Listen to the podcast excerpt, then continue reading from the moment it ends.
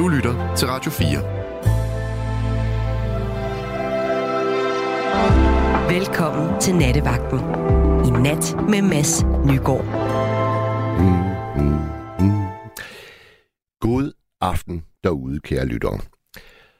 Det at holde en tale, det er næsten umuligt at øh, undgå igennem et langt liv, at man lige pludselig står i et større eller et mindre selskab, og så skal man sige nogle øh, bevingede ord til typisk en, som man har kær.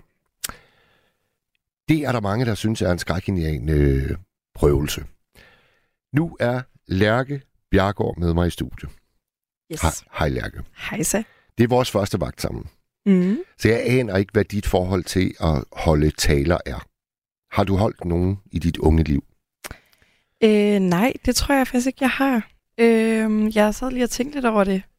Øh, og jeg, sådan, jeg tror, det jeg forbinder taler med, er meget det her med konfirmationer og bryllupper og sådan noget. Øh, og hvad med, hvad med til din egen konfirmation? Der er det sådan mit indtryk, at det ikke altid, at konfirmanden holder en tale. Nej, Gjorde, det, gjorde du? Nej, det gjorde jeg nemlig ikke. Jeg kan huske, at jeg var meget, meget genert, så ja. det turde jeg simpelthen ikke. Nej. Men øhm, det er jeg heldigvis vokset fra. Det tror jeg godt, jeg kunne i dag. Ja. Og tror du, øh, hvis du skulle holde en tale for en i dag, tror du så, du vil gribe det an på den måde, at du vil virkelig gøre dig umage, du vil skrive talen, du vil øve den foran spejlet, eller vil du være sådan en, der den improviserer jeg lige? Jeg tror, jeg vil gøre mig meget umage. Det tror jeg. Ja. Det tror jeg ikke, jeg vil være så god til at improvisere. jeg spurgte min, øh, min kæreste i dag, hvordan øh, hun husker de taler, hun har holdt. Så hun har holdt en del. Og hun havde tre, som, som virkelig trådte frem sådan øh, markant for hende, og det var alle tre, hvor hun havde gjort sig ekstremt umage. Altså skrevet talen, ikke bare sådan i stikord, men fuld, altså fuldt ud. Og så havde hun øh, og øget og øget. Og det mente hun var, var en af årsagen til, at det var gået rigtig godt. Jeg har, jeg har prøvet begge dele, og jeg synes ikke, jeg er god til hverken den ene eller den anden model. Jeg kunne virkelig godt tænke mig at være bedre til at holde taler.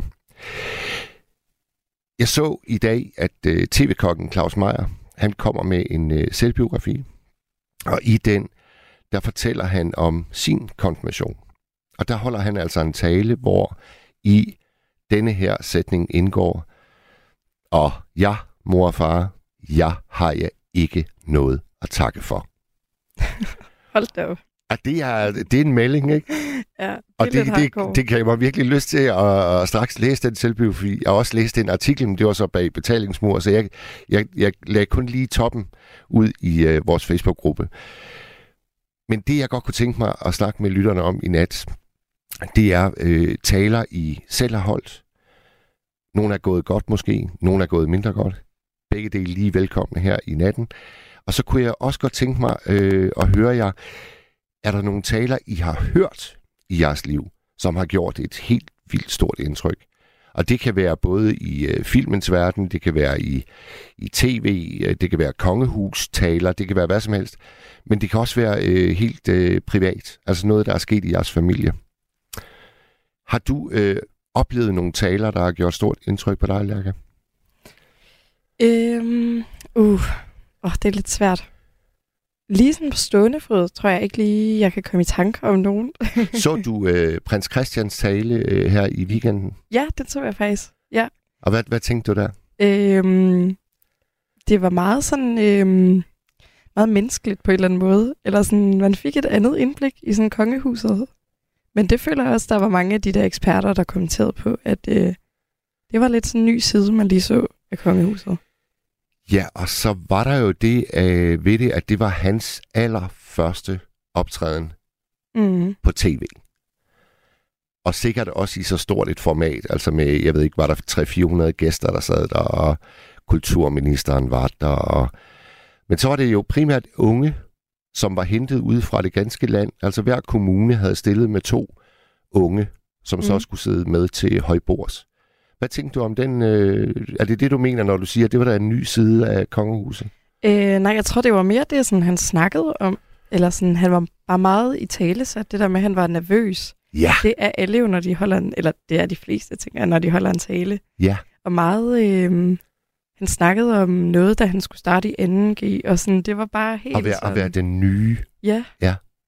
Det var bare noget, hvor jeg tænker, det kan alle ikke genkende til, tror jeg. Og synes du, det var, det var klogt af ham? Ja, det tror jeg egentlig var meget godt. Ja. Egentlig. For han kom ligesom til at tale i øjenhøjde med os alle sammen, ikke? Ja, ja, præcis. Ja, jeg, jeg var sgu også meget imponeret. Ja. Og havde jo faktisk aldrig rigtig dannet mig et indtryk af ham før. Og så stod han der lige pludselig. Mm. Hvor nervøs øh, fornemmede du, at han var? Mm, altså, jeg, jeg synes egentlig, at han klarede det meget godt. Altså, det var jo ikke sådan, at han snublede over ordene, eller sådan.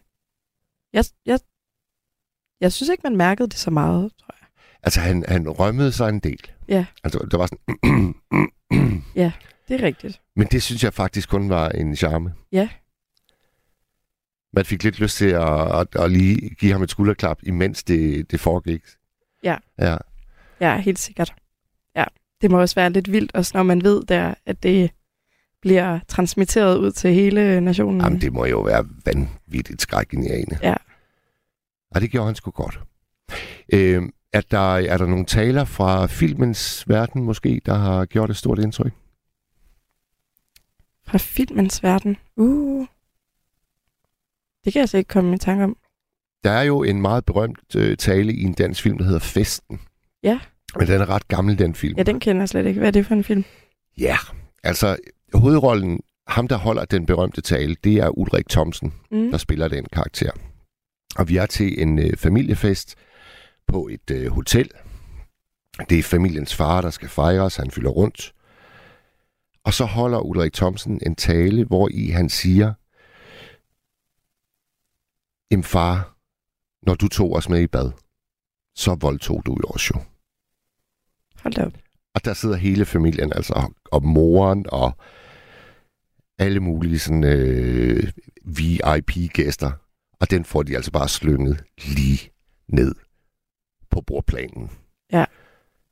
Det er en vild øh, scene. Ja, det kan jeg forestille mig. Ja. Så er stemningen ligesom sat. Ja. Og det er faktisk, øh, ideen til det manuskript opstod i et radioprogram, Mm.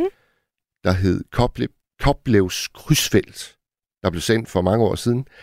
Og her var der en ung mand, der ringede ind og fortalte den historie, at det havde han gjort til sin fars runde fødselsdag. Så den skulle altså have taget afsæt i noget, der virkelig er hent. Hold op. Og med de ord, så skal I også vide derude, kære lytter, altså alle taler, alle minder om taler er fuldstændig velkomne. Lærke er nu klar til at tage telefonen derude. Tak for øh, snakken, Lærke. Jamen selv tak.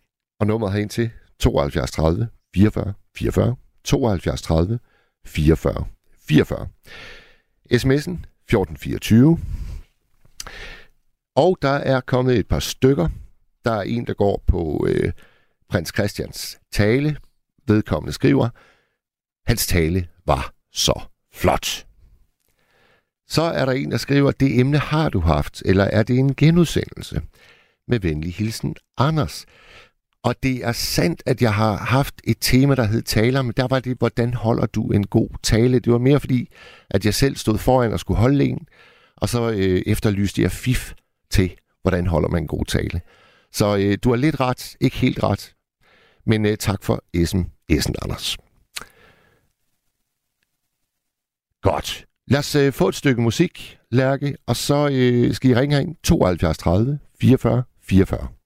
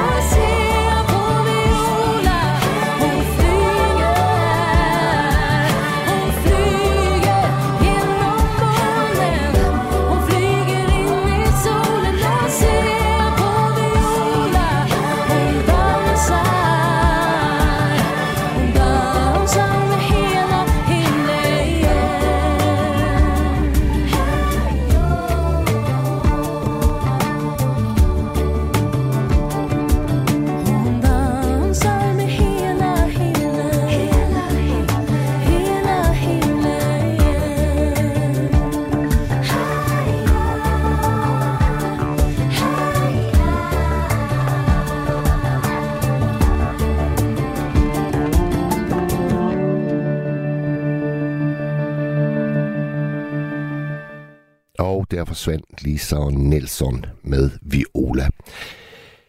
For et par måneder siden, øh, kære lyttere, der var jeg til en øh, mindehøjtidlighed for et familiemedlem.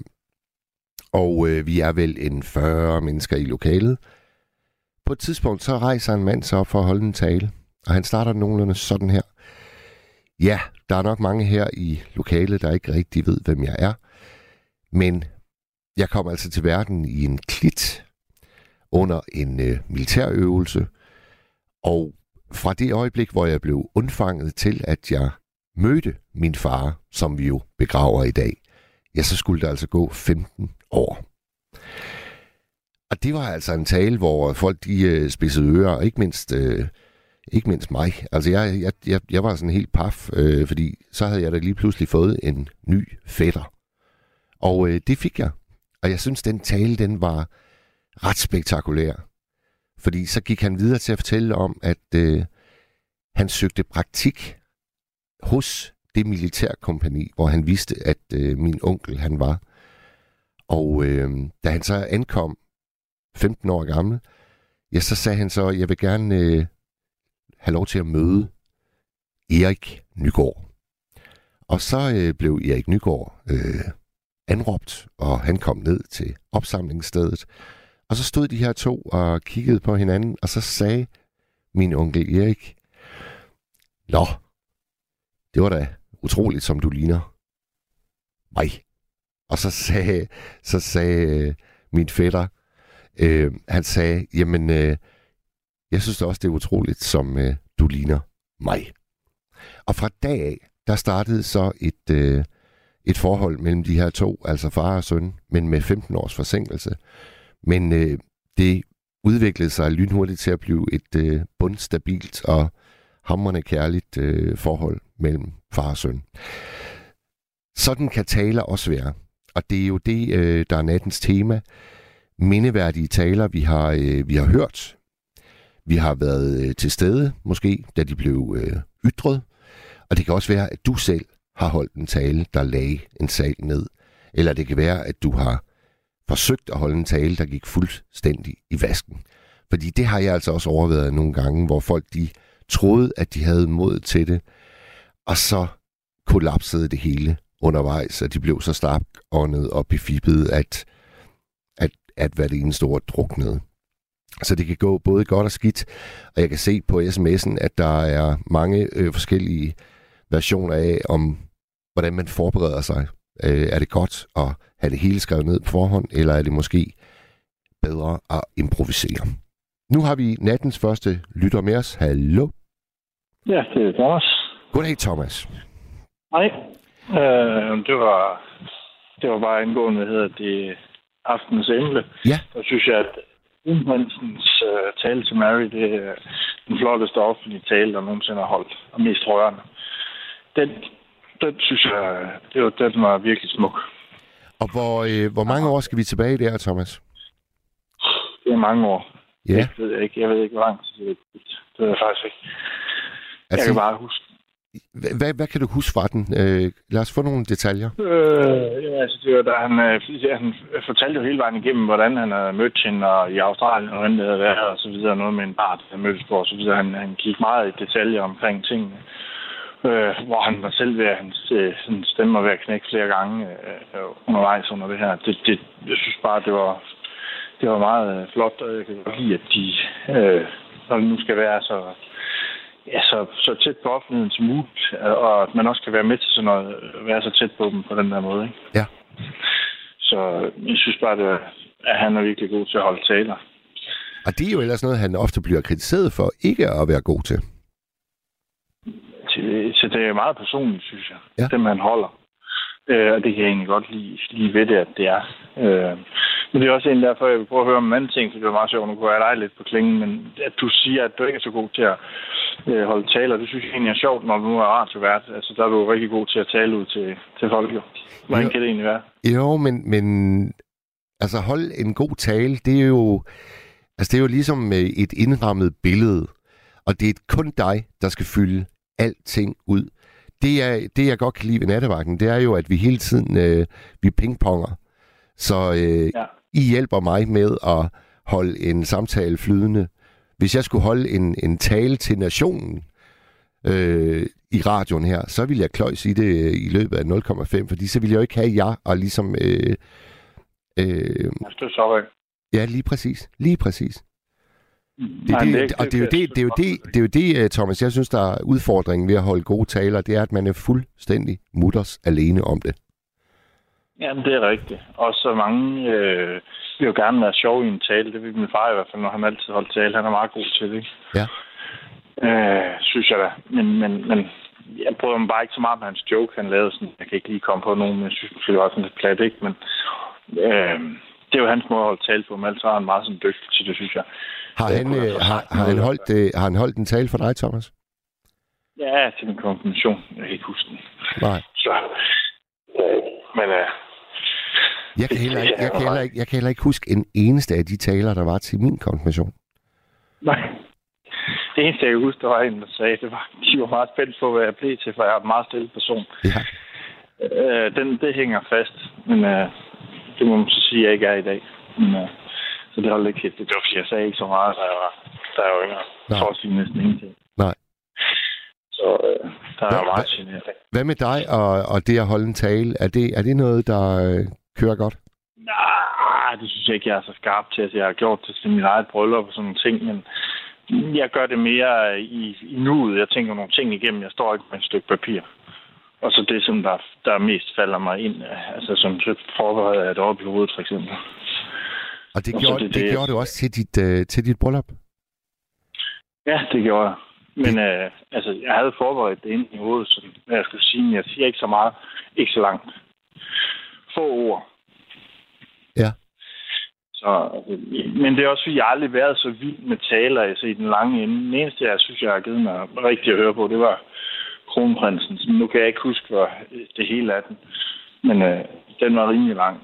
Den, den, øh, det var, jeg synes, jeg var dygtig til at fortælle en historie om, hvordan de... Øh, altså, det jeg husker, er det, hvad hedder det, øh, hvordan de har mødt hinanden, og Jeg har tror, kærlighed til hinanden. jeg, jeg, tror, jeg tror også, han bruger en, øh, en berømt sang i talen. Lars H.G.'s Elsker dig for evigt, hvis ikke jeg tager helt fejl. Ja, det er ikke nok. Ja. Det kan man, jamen, det er også, at musik betyder meget for ham, jo. Og det gjorde han faktisk også til sin søn i søndags. Der var der også Nå. et, øh, et musiknummer. Ja. Det er, måske, Ja, det, er måske, det er måske et meget godt trick lige at hive øh, en, en, en sang ind i en tale. Ja, det kan det godt være. Altså, Hvad, det, hvad, hvad, hvad, hvad fremhævede du der, da du skulle holde øh, din bryllupstale? det var også sådan noget, hvor vi havde mødt hinanden og, og sådan nogle forskellige ting øh, omkring, hvad vi havde foretaget sig lavet og sådan noget. Og hvor, Det var- hvor, hvor havde I mødt hinanden? Uh, vi mødte hinanden på nettet. Så over nettet. Og så mødtes vi jo derefter, ikke? Ja. Mødtes noget, noget der hed Vindeland. Hvad er det? Det var meningen, at man skulle sådan et sted, hvor man på nettet sådan ligesom får venner, men det er lidt noget andet i dag. Det er nærmest mere et dating site, kan jeg sige. Men det var egentlig sådan, hvor man kunne søge øh, venskaber med folk. Så lavede hun nogle opslag, og så kom vi til at lære hinanden at kende på den måde. Okay. Så det var sådan set, øh, dit ønske, det var at finde en ven, først og fremmest. Ja, det var det. Jeg, jeg synes, det var en god idé. Det, jeg ved ikke rigtigt, om det nogensinde er lykkedes, at det er blevet til det. Jeg synes, det var en meget god idé. Øh, for ligesom at, at få nogle venskaber sådan der på den måde. Ja. Men jeg synes ikke rigtigt, det her... Altså, nu ved jeg ikke helt, hvordan det er i dag. Men altså, hvad det tyder så er det meget mere sådan et date-sted. Okay. Og blive set og hørt. Det bliver lidt ødelagt ud af det der, måske. Hvor længe har I, hvor længe har I været gift? Øh, fire år kendt hinanden i fem år. Okay. Og var hun, øh, var, var hun tilfreds med din tale til... Fordi det er jo... Altså, når man skal holde en tale til sit eget bryllup, så, så vil man gerne have, at den går over i historien som værende øh, i hvert fald okay. Ja, det var hun da. Ja. Okay. Og kunne, du, kunne du mærke det med det samme, da du havde holdt den? Ja.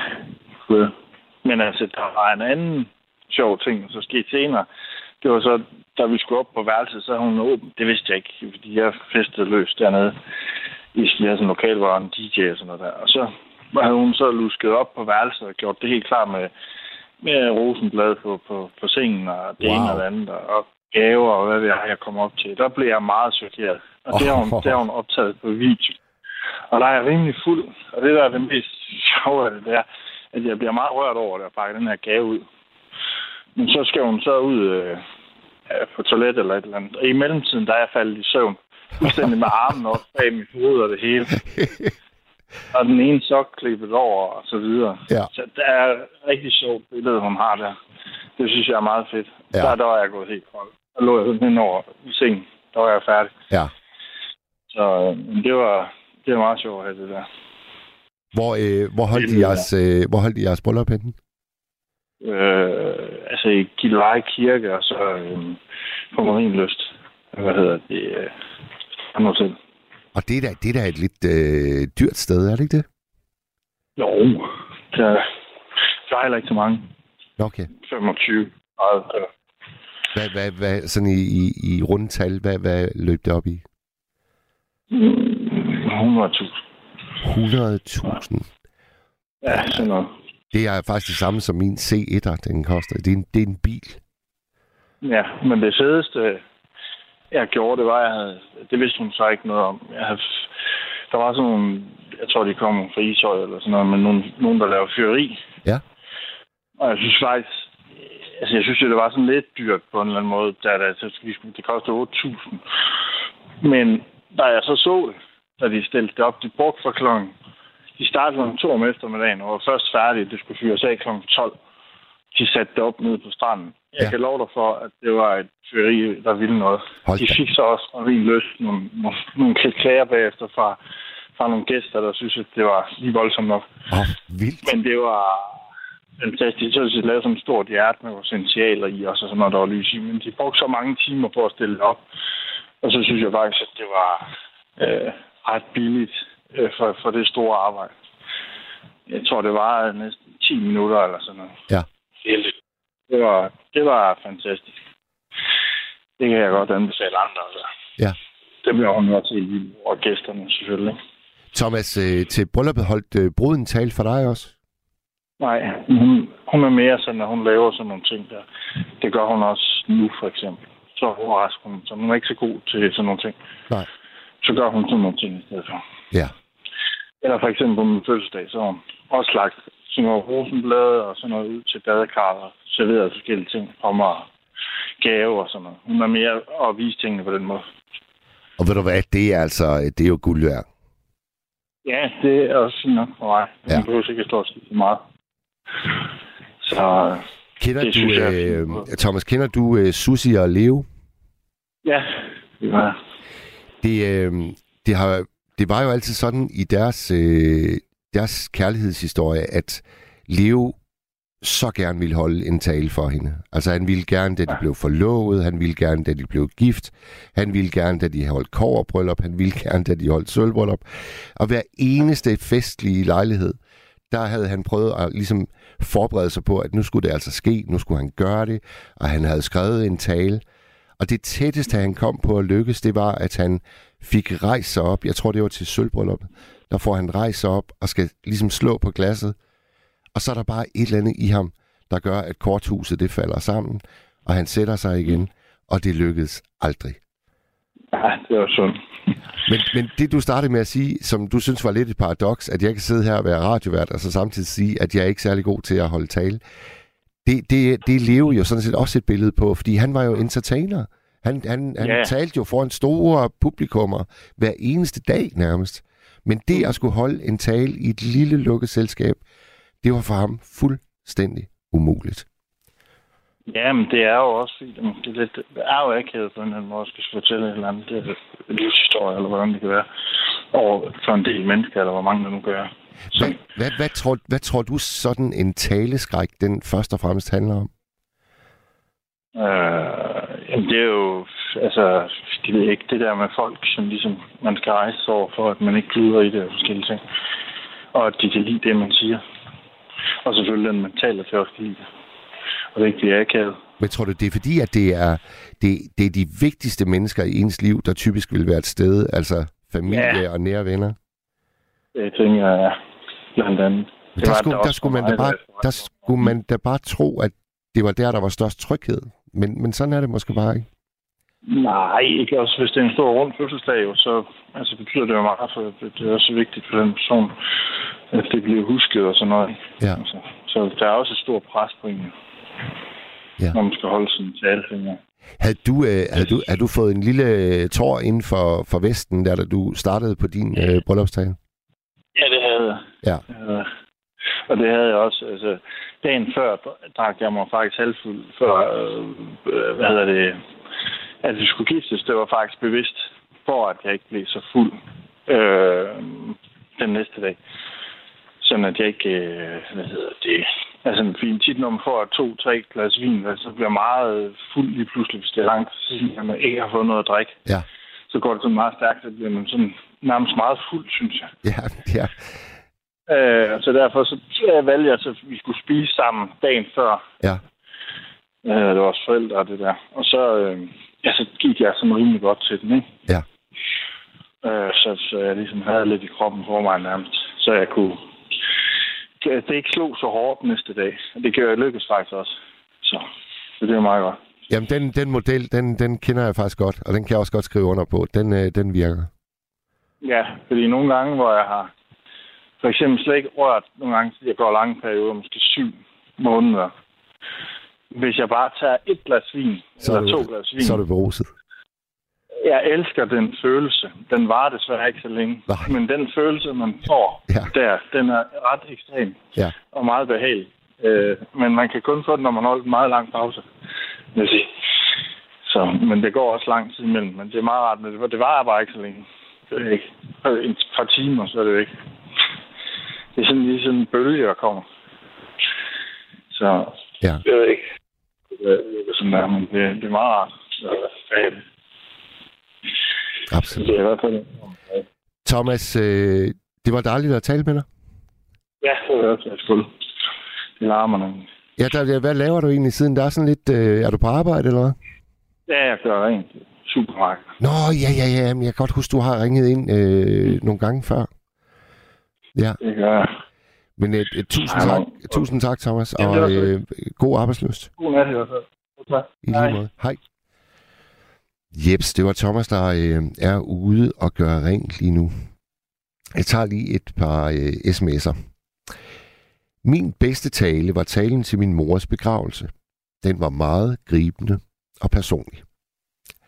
Det lyder godt. Tak for den sms. Så er der en, der skriver, Talen i festen, i filmen Festen, du nævnte, er jo berømt for, at taleren starter med at sige, at han har to taler. Den gode og den dårlige. Hvor den dårlige bliver valgt, og der afslører han farens incestuøse adfærd. Festen er en af de bedste danske film, og meget rystende, gribende og betagende. Ja, det, er- det er jeg helt enig i.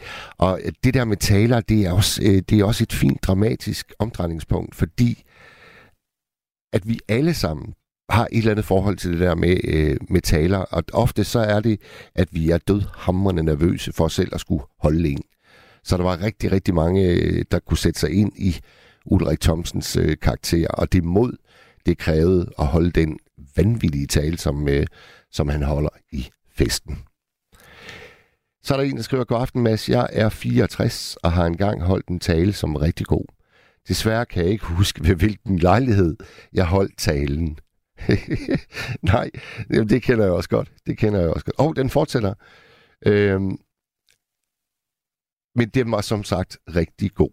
Så i aften kan jeg ikke bidrage, men jeg vil spørge mine søstre. De vil både kunne huske talen og lejligheden. Og nu tror jeg faktisk, at jeg kommer i tanke om det. Det var min elskede mors begravelse i kirken, da hun døde som 86-årig. Jamen altså, der kom øh, hukommelsen jo simpelthen på glæde i selve skrivelsen af sms'en. Super, tak for det. Sonja Hvidtjørn, hun skriver, Hey Mads, jeg elsker Frede og Mary. De er de skønneste forældre samt ægtepar. Mary er virkelig en smuk og elegant kvinde. Der er jo sikkert nogen, øh, der vil sige hendes fornavn Mary. Jeg synes, jeg synes Mary lyder bedst. Men Mari kan sgu også noget. Mari, Mari, ja, ja, jo, jo. Nå, vi taler om taler. Vi taler om øh, mindeværdige taler, vi har oplevet, måske selv holdt, eller måske være den, øh, som modtog selve talen. Og har du øh, noget at bidrage med der, så ringer du ind på 72 30 44 44. 72 30 44 44. Lærke Bjergård, hun sidder klar, og hun taler og taler derude, så der er godt gang i øh, butikken. Det er dejligt. Øh, og sms'en selvfølgelig altid åben 1424. Nu hører vi et øh, dejligt nummer med Folkeklubben.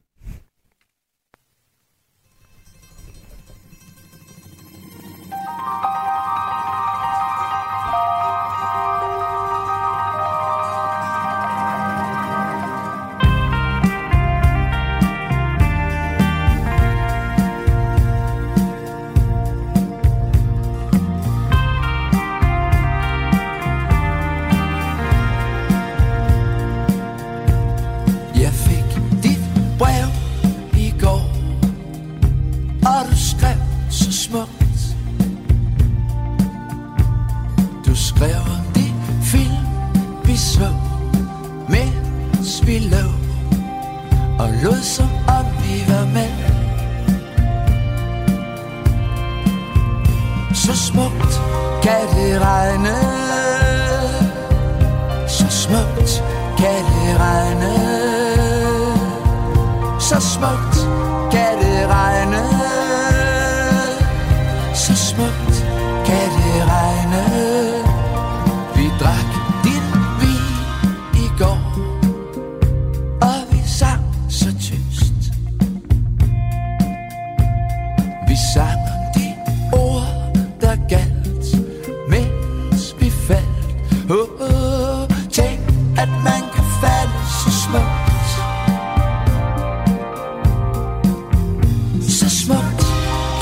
Kan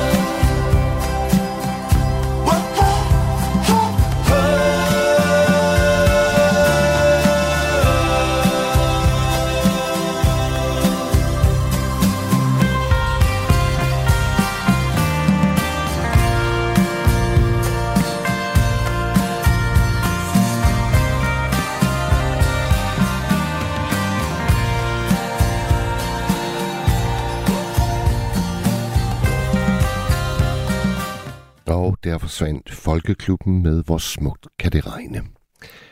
Der er en lytter, der gør opmærksom på, at øh, i festen, hvor Ulrik Thomsen han skal holde sin tale, der siger han ikke, at man kan vælge mellem en god eller en dårlig tale. Han siger, at man kan vælge mellem en grøn eller en gul tale. Og nu, hvor du gør mig opmærksom på det, så har du fuldstændig ret. Det var sådan, det var i filmen.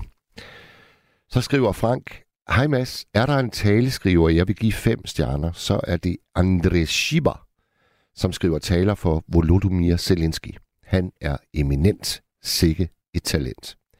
Og det er jo også, øh, det er jo også et interessant øh, øh, emne, det her med, hvem kan holde de store politiske taler. Der øh, har jeg altid synes at Barack Obama, han var helt ubegribelig god til at holde tale.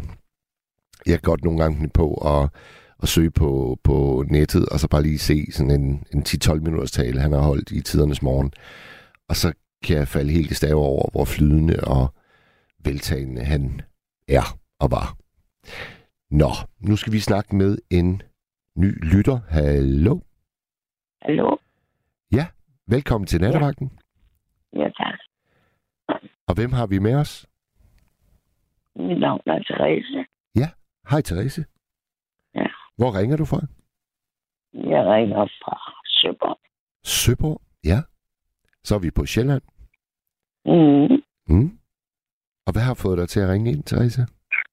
Det er fordi, jeg i sin tid, der var jeg ansat på ABC Teater og Avenue Teater. Ja. Og øh, øh, der havde vi Karen Lykkehus i en forestilling. Hvis Ja. du kan huske hende. Ja, altså, øh, jeg husker hende som... Øh, øh, Moderen i dit menneskebarn. ja, nemlig. Ja. Og øh, den film, den havde jeg jo set, øh, inden jeg lærte hende at kende. Ja. Fordi det var så en 80-års fødselsdag. Og øh, i alle de år der, hvor jeg ikke kendte hende, og jeg havde det der i hovedet med den, sådan som hun var i dit menneskebarn, moderen der. Ja. Så øh, der kunne jeg jo ikke lide hende. Men så da jeg lærte hende at kende, og hun var et elskeligt menneske og så videre, ikke? og så skulle, var jeg inviteret med til hendes 80 års fødselsdag. Ja. Og øh, så sad jeg med den. Jeg mener, det var Claus Pag, og så en journalist fra Se og Hør. Aha. Der sad jeg i midten af de to. Og da jeg så sagde, at jeg ville rejse mig op og holde en tale, så begyndte de at tage en masse gas på mig. Ja. Så da jeg rejste mig op, fik jeg sagt noget værre vullebyg. Nå, for så. Det, jeg gik fuldstændig, øh, fordi de to drenge der, de sad og lavede så meget gas imellem, så jeg gik slet, slet ikke en det, jeg ville. At I, jeg, jeg ville have sagt, altså da jeg så den der, de, det menneskebarn, den har jeg jo set to-tre gange, ikke? Jo. Og, og så, hvor- hvordan ellers er så menneske selv. Altså, så er hun jo slet ikke den, hun spiller. Altså, du vil, du vil rigtig gerne have holdt en stor hyldestale. Ja, Ja. det ville jeg. Og så sidder der sådan et par baryler der. Ja. Ja. Og hyler mig ud af den Ja. fuldstændig. Tog du det, øh, tog du det fortrydeligt op?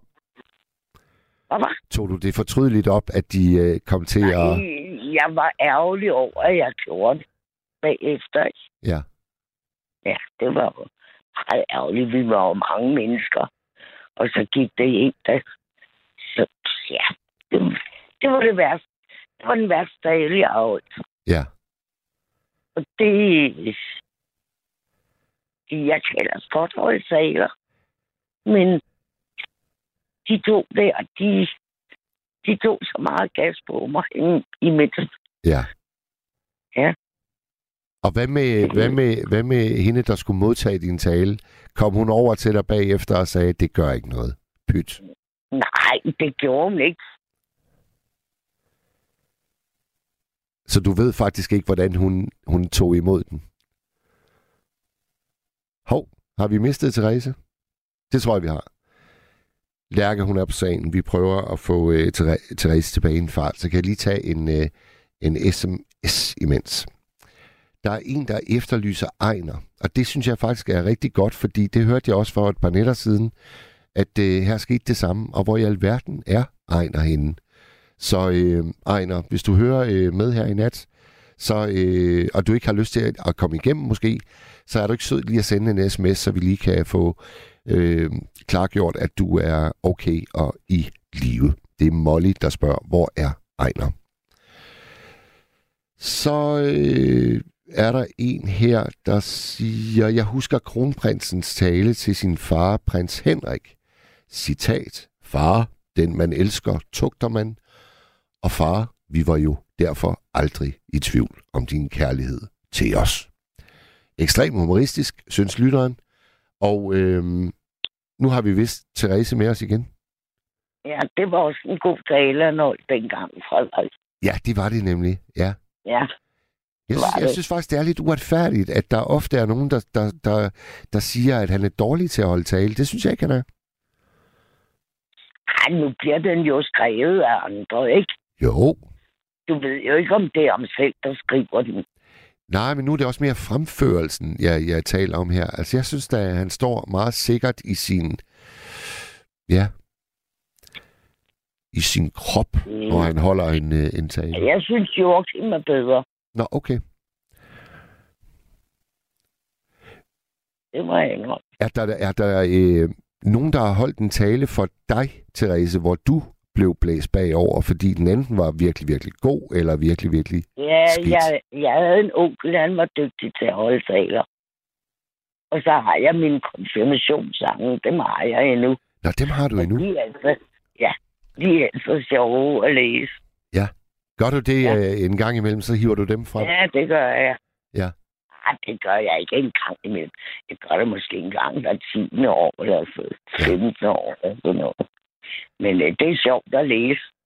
Men jeg var en varyler, da jeg var ung. ja. Ja. Jeg troede, Det faktisk, jeg troede faktisk kun, det var, det var drenge, der kunne være baryler. Kan, kan piger også godt være det? Nej, jeg var en værbisse, da jeg var ung. okay. Hvor- Hvordan det, Therese? Jamen, det står jo i sangene, altså. Ja, ja det er har dokumenteret. altså evig ret. Også, også da jeg blev gift, min veninde og hendes mand, de havde skrevet en bryllupssang. Ja. Og øh, ja, der stod det jo, der stod det jo også, hvordan jeg var.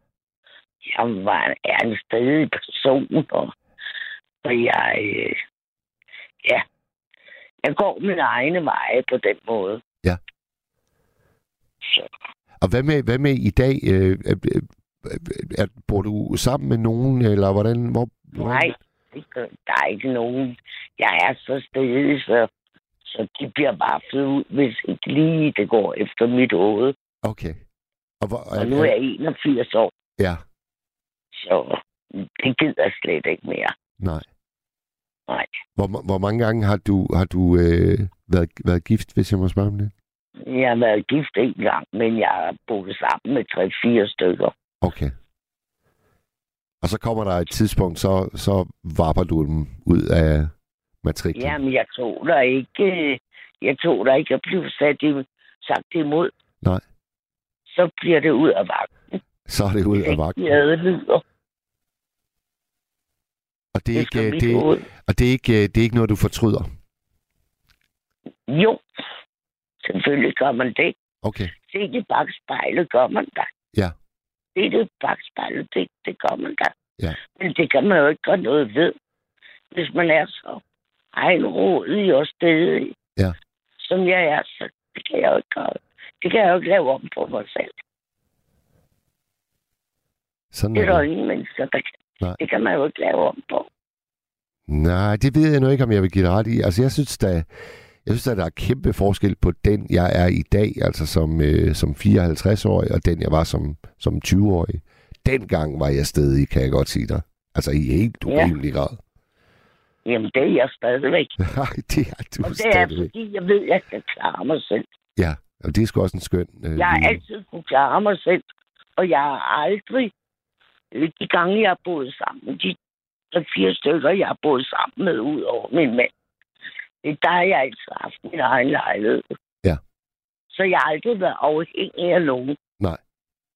Der var ikke nogen, der kunne komme og sige, altså, ud af vagten, eller jo, ikke til mig. Jeg har altid haft mit på det tørre. Så derfor er jeg ikke... Derfor er Det er nok derfor, jeg ikke har... Jeg, jeg har ikke været afhængig af nogen. Og så har du en kort lunde. Ja. Tror jeg. Og det har også været øh, til stede i de øh, sange, der er blevet skrevet til dig. Ja, ja, ja, ja. Ja, ja, Også min mor har sagt det tusindvis af gange. ja. Så, og det er jo det samme, da jeg havde min datter. Altså, det er jo det samme, altså. Der havde jeg Ja. også en kort. Hun skulle indrette sig. Ja. Ellers... øh, Ja. Jeg er nok... Jeg har været meget... Jeg har været meget... Jeg har en kort lunde. Ja. Til at så... Så er det ud af vagten. Ja. Det... Og i dag er jeg da glad nok, for jeg er alene. Jeg vil da ikke drømme om at have en mand i dag. Nu er jeg 81 år. Så, så det er da fint nok. Ja. Jeg har en dejlig hund, og jeg har en dejlig datter og børnebørn. Det er jo nok til mig i dag. Godt. Therese, lad os slutte øh, på den øh, Ja. glædelige note. Men øh, Karen Lykkehus, hun, hun var altså... Det var en fin rolle, hun spillede i Ditte Menneskebarn. Ja. Og det det var, øh, det var, det var Tove Mas, der var øh, den store hovedrolle, ikke? Nej, var det ikke Karen Lykkehus, der havde den store. En pigen. Hvem spiller pigen i øh, Ditte Menneskevang? Nu bliver jeg i tvivl. Jeg er ret sikker på, at det var Tove Mas. Nå. Men det er, da Okay. helt sikkert, det er da helt sikkert en lytter, der nu vil gøre os opmærksom på. Så Ja, øh, alt godt. Therese, kan du øh, komme godt videre igennem natten, og tak fordi du ringede. Ja. Ja. Hej, Hej. og tak for dine udsendelser. Det var så lidt, du. Det var så lidt. Hej, hej. Hej. Nå. Ja, det jeg vidste, der er straks en lytter, der kommer. Det var Tove Mas, der spillede Ditte Menneskebarn. Sådan der. Nå. Der er vidt forskellige holdninger til det med kronprins Frederik, og det er jo nok egentlig det, der er karakteristisk, når, det, øh, når talen falder på ham. Men altså, der er en, der skriver, at kronprins Frederik er stærkt undervurderet og kritiseret. Jeg ved ikke hvorfor, men jeg ved, at han bliver en rigtig god konge, når han om en 15-20 år bliver det når dronningen endelig har accepteret, at hun ikke er udødelig. Så er der en, der skriver, det modsatte kan man sige, Frederik lyder stadig som en konfirmant, når han holder taler. Joachim lyder mere som sin mor og far, en meget bedre taler. Nu vel, så er der en, der har et bud på, hvorfor Ejner ikke ringer længere, og det skulle være fordi, at han havde fået en ven, som ikke brød sig om alle Ejners opkald til nattevagten. Så deri er sikkert forklaringen. Det håber jeg da ikke er tilfældet, fordi hvem i alverden skulle have noget imod, at nogen ringer ind til nattevagten? Det forstår jeg ikke. Nå. Og så siger... Øh,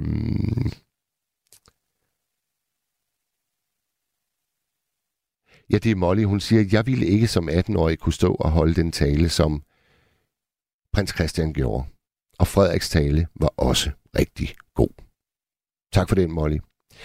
Lærke, vi tager øh, et stykke musik, og så skal vi have øh, den tredje lytter igennem.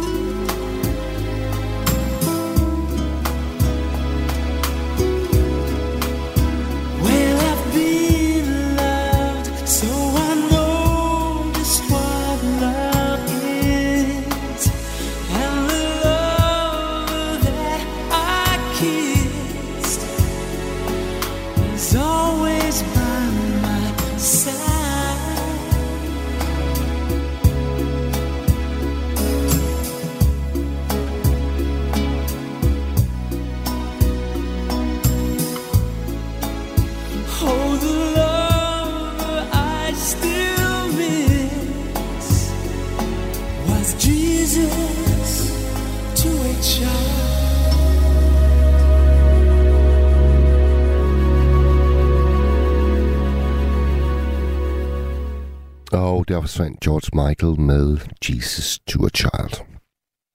Øh, per Frederiksberg, han skriver, Paul Reichardt kunne virkelig holde en tale som flyttemand Olsen i huset på Christianshavn, og Hans Christian Varnes i Matador. Uforglemmeligt. Selvfølgelig er det fiktion, men stadigvæk viser det, hvordan en tale skal fremføres. Kærlig hilsen. Tak for den, Per. Så skriver Sonja Hvidtjørn, angående vejret, mas, så er det så småt ved at gå i gang. Blæsten er begyndt at røre på sig. Ja, jeg så øh, Newsroom, som de kalder det på TV2, her kl. 22, og der var en øh, værmand inde og fortælle, at det kan godt blive ret vildt øh, i det sydfynske øhav og i Åben Rå og Haderslev, hvor de nu er ved at smide sandsække en masse ud for at spærre vandmasserne, som vist nok skulle begynde sådan for alvor at vælte ind over os i morgen og også i overmorgen. Så det, øh, det bliver spændende at se, hvordan det spænder af. Så er der et øh, godt råd til folk, der måtte have lyst til at se prins Christians tale med flere. Det er Anne-Marie, hun skriver, gå ind på kongehusets hjemmeside. Der kan du se talerne, og der er også mange flotte billeder. God fornøjelse. Fint lille råd. Super godt. Tak for det, Anne-Marie. Og så er der en, der roser musikken. Det er Henning, han skriver super god musik, der spilles i nat. God vagt på radioen. Det er jeg glad for, at øh, du siger, Henning, for jeg synes øh, også, det er noget virkelig, virkelig dejlig musik. Nu skal vi tale med Kjeld Erik, tror jeg. God gamle Kjell Erik, som du plejer at sige, Mads. Er du skuffet over, at jeg ikke sagde gode gamle Kjeld Erik? Nej, overhovedet ikke det fjerneste. Godt. Ved du hvad, jeg er blevet så mishandlet her på det sidste, at jeg er ikke skuffet over noget som helst. Man bliver lidt hervet af at blive mishandlet af arbejdernes associale boligselskab, men det skal vi ikke komme ind på nu. For vi skal komme ind på en tale, jeg hørte her til aften. Ja, Ja, tale, det var måske nærmest interview. Det var en af mine yndlingspolitikere. Sjovt nok, Mogens Lykketoft. ja, Han holdt et længere tale interview til forsvar for palæstinenserne. ja. Det kunne jeg godt lide. Det kunne du godt lide. Det. For helt ærligt, jeg ved ikke, hvilken ret israelitterne har inde til deres land.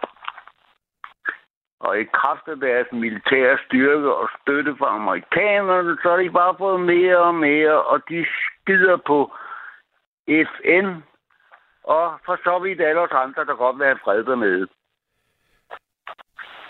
Men uh, Kjell kunne vi uh, uh, zoome ind på uh, Måns Lykketoft? Hvad var det, der gjorde så stort indtryk på dig? Jamen, Mogens Lykketoft, han har aldrig været den store medieluder politiker. Vel, heller ikke dengang han fik klippet fedtskægget af for at se lidt mere normal ud. Det var jeg lidt ked af, at han gjorde, for jeg synes, det klædte ham. Men altså hurtigt det, han har altid været en besindig, velovervejet politiker. Ja. Og jeg har jo set mange af de udsendelser, han kørte sammen med... Jeg kan du huske, hvem det var? Ja, det var jo uh, Uffe Ellemann. Lige præcis. Salig Uffe. Dem holdt jeg meget af. Ja. For der, der kom nogle, øh, jeg ved ikke, om man kan kalde det sandheder, men der kom i hvert fald noget politik, man kunne ligesom tage at føle på frem indimellem. Der er jo også, øh, for folk, der måtte blive nysgerrige på øh, Måns Lykketoft, så er der lavet en meget fin dokumentar om dengang han stillede op til... Som Ja, statsministerkandidat. lige præcis. Ja, der mislykkede han desværre. Jamen, det gik jo faktisk helt af Hækkenfeldt til for sit liv. Helt af hængefeldt til, ja. Og der fik man det også... gør det jo tit for Socialdemokraterne, hvor altså hende, jeg holdt meget af, vores kaptajn Frederiksen nu, ikke? altså Mette, hun har jo også kvaret sig enormt her på det sidste, ikke? Men hun søger nok en større stilling. Og sjovt nok, hvem kommer så til? Det gør Nikolaj Vammen. Og det er min gamle ven Chris Vammens søn. Altså Aha, en gammel ekstrabladsjournalist, som kom meget ind på Bubibar. Det har vi jo snakket om før, Mads, ikke? jo, jo, jo, Gamle stamværshus, derinde, hvor du vist nok har været. absolut. Ja. Og er han øh, leveringsdygtig i store taler, øh, den gode Vammen? Chris eller Nikolaj? Nikolaj. Nej, men han er også besindig. Ja. Han har jo kørt det fint som borgmester i Aarhus, ikke? Ja, det er der sikkert delte meninger om, men altså, du, øh, du bakker ham op, kan jeg høre.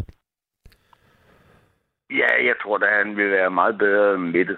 Aha. Men han bliver jo aldrig den store medie derude af. Vel, det, det kunne Mette noget af, ikke? Og jeg må indrømme, at jeg beundrede Mette meget under minkkrisen der, for... men så ved jeg ikke, hvad det egentlig er, der er sket sidenhen. For der er hun blevet dårligere, ikke? Ja, det ved, det ved jeg ikke. Det siger du. Ja, det er min mening, ikke? Ja, ja. Nu skal du tænke på, at jeg er socialdemokratisk opdraget, men det er jeg absolut ikke mere, vel? Nej. Min far var medlem af 11. kreds i mange, mange år, indtil øh, Nyrup og Augen kom op og skændte, ikke? Eller hvad, hvad, hvad de gjorde. Så meldte han sig ud, ikke? Hvad med, øh, Kjell Erik, hvad med, hvad med dig og taler? Er, er du god til at holde en tale? Øh, nej, jeg har aldrig rigtig prøvet det, Mads. Og jeg tror ikke, jeg vil være særlig god for... Egentlig er jeg ret generet ved at stå for en større forsamling. Jeg har det bedre med det, vi kører nu, ikke? Ja. Ja, jeg ved godt, det kommer ud i det, vi kaldte æderen i gamle dage, men det er der sgu ikke noget godt ved. Nej. Men vil det virkelig sige, Kjell Erik, at du har aldrig holdt en tale i en større forsamling? Nej. Er du Jo, øh, jeg har på meget kollektiv, der har jeg holdt, jamen det var interne taler til husmøde og sådan noget, ikke? og, og når I var flest samlet til de husmøder, hvor mange, hvor mange var I så? Jamen det var, jeg har boet i flere forskellige kollektiver, ikke? Der var forskellige antal, ikke? Men øh, det var det, noget, der hed de kollektive børn- og ungdomsmiljøer, som folk totalt har stemt, hvor vi havde unge adfærdsvanskelige i familiepleje døgnet rundt og så videre.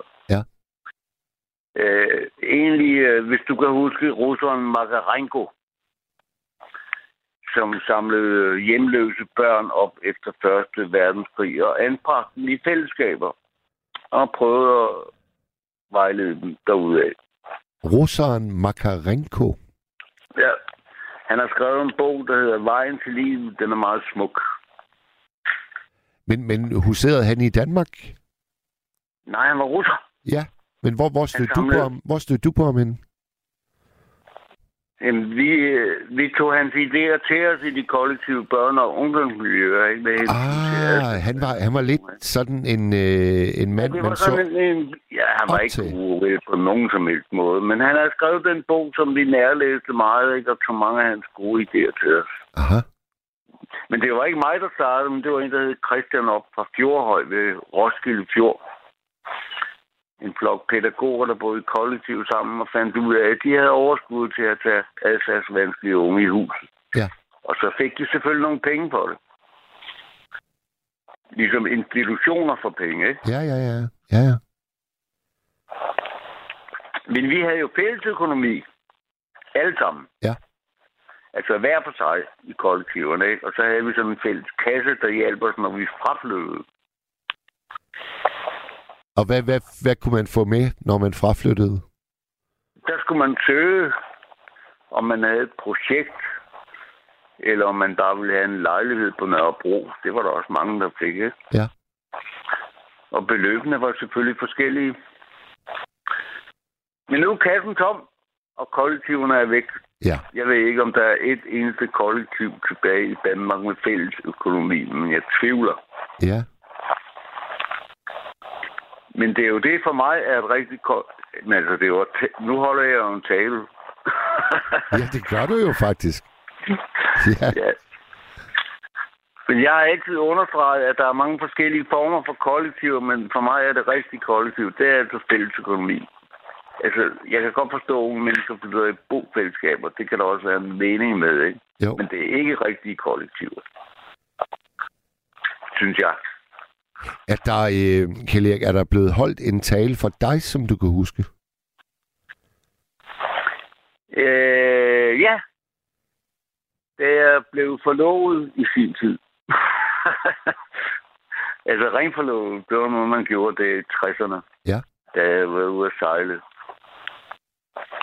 Og hvem holdt øh, talen?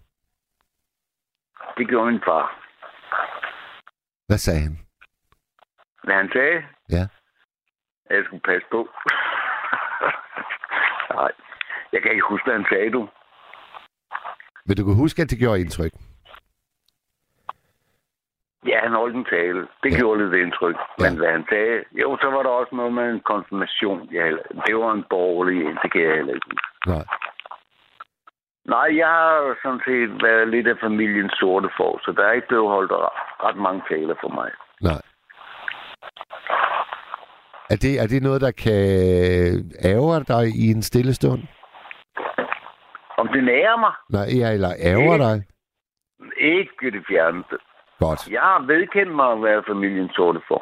Ja. Og så er den skide ligesom slået, ikke? Så er det en skid ligesom slået, ja. Jamen, Men jeg så- er nørrebodreng med. Men så lad, så lad os... Øh, så, så lad os vende blikket øh, over til politikerne igen. Altså, du, Ja. du, du, kan, du kan godt lide Måns Lykke, Lykketoft for et interview, ja. han har givet i dag. Men hvis du kigger sådan tilbage, du har jo mange år øh, bag dig, øh, Kjell Hvem står for dig som en af de største politiske talere, vi har haft i kongeriget Danmark? Jamen, jeg synes ikke, der er nogen... Jeg kan ikke huske dem i hvert fald. Måske hvis jeg... Nu har jeg aldrig hørt Stavningen, men måske hvis øh, jeg læser noget af, hvad han har talt, så kunne det da godt være, at det kunne fænge mig lidt. Helt tilbage til Stavning, simpelthen. Jamen, der var mange ting ved Stavning, jeg egentlig godt kunne lide. Han fik rettet op på en masse sociale problemer, ikke? Ja. Men altså, han taler har jeg aldrig læst eller hørt, vel? Men det tror jeg altså ikke, der er mange, der har. Nej, vi er blevet for gamle med, eller jeg er blevet for gammel, eller i år, ja. Men altså, alt det fis med kongehuset, det får fingeren. Det gider jeg ikke at høre på, du. Men jeg kan meget godt lide Daisy. Du kan lide Daisy. Ja, Margrethe, ja, for søren da. Men sidder du så, øh, nu er der jo ikke ret lang tid faktisk til nytårsaften, er du så en af dem, der sidder troligt hvert eneste år? Nej, det gør jeg ikke, men øh, så kommer der genudsendelser, og referater og klip og sådan noget. Det kigger jeg lidt på, ikke? Men jeg synes, jeg synes mange af hendes taler har været gode. Ja. Der har både været hjerte og løftet pegefinger, ikke? Jo. Og det har været, det har været sådan generelt, ikke? Altså, hendes syn på vores øh, fremmedarbejdere, ikke? Det kan jeg godt lide, ikke? Så kommer vi med vores dumsmarte bemærkninger. Lige præcis, ikke? Den, den husker vi øh, alle sammen. Den husker vi, ja. Selvom den, den har altså også en del over på banen efterhånden. Jamen, den er stadigvæk aktuel, ikke? Men det er, jo- det er jo det sjove øh, med, med taler, synes jeg, fordi jeg vil tro, at hvis vi spurgte 100 tilfældige, så vil øh, den tale, alle husker, det, det vil være den, hvor hun ligesom giver en, øh, en losing til... Øh, Ja. og, og det er jo nok Men det også... er jo nogle år siden. Ja, og det er jo nok også, øh, fordi at det er så sjældent, at hun hæver stemmen på den måde. Ja. Men er der noget, vores kære dronning Margrethe er, så er det racist. Tror jeg nok. Den skal jeg have igen, Kjell Erik.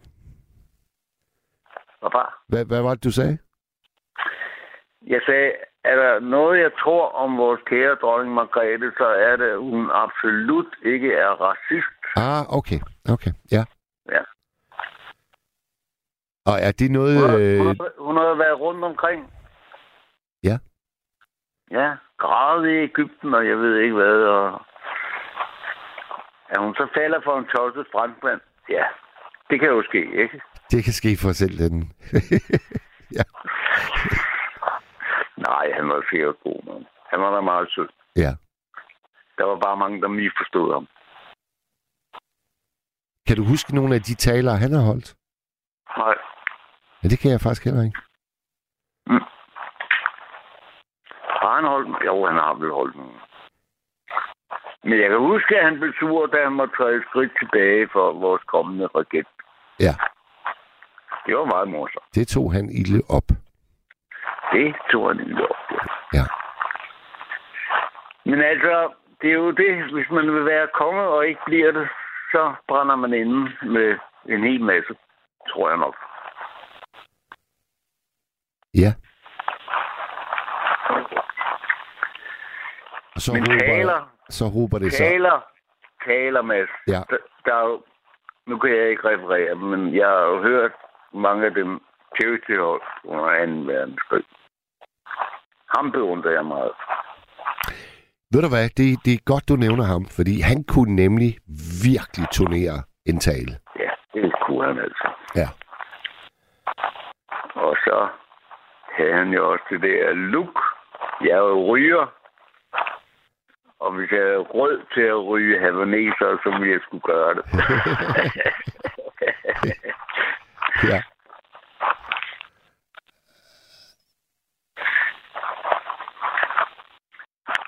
Hvad er Ja, det, du, sådan du, en, øh, hvad er det, øh, Kjell hvad er det, du sidder og, øh, og piller ved? Der er sådan en skramlen. Er du ved at rulle en cigaret eller et eller andet?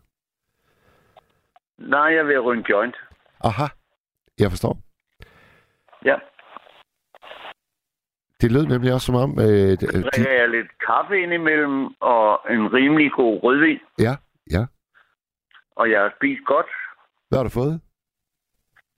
Øh, jamen, jeg er begyndt at arbejde på Hans Knudsens Institut. Det er sådan paragraf 104, man kan få, når man er over 67. Ja. Jeg laver papkasser efter mål. Du laver simpelthen Og, papkasser efter mål.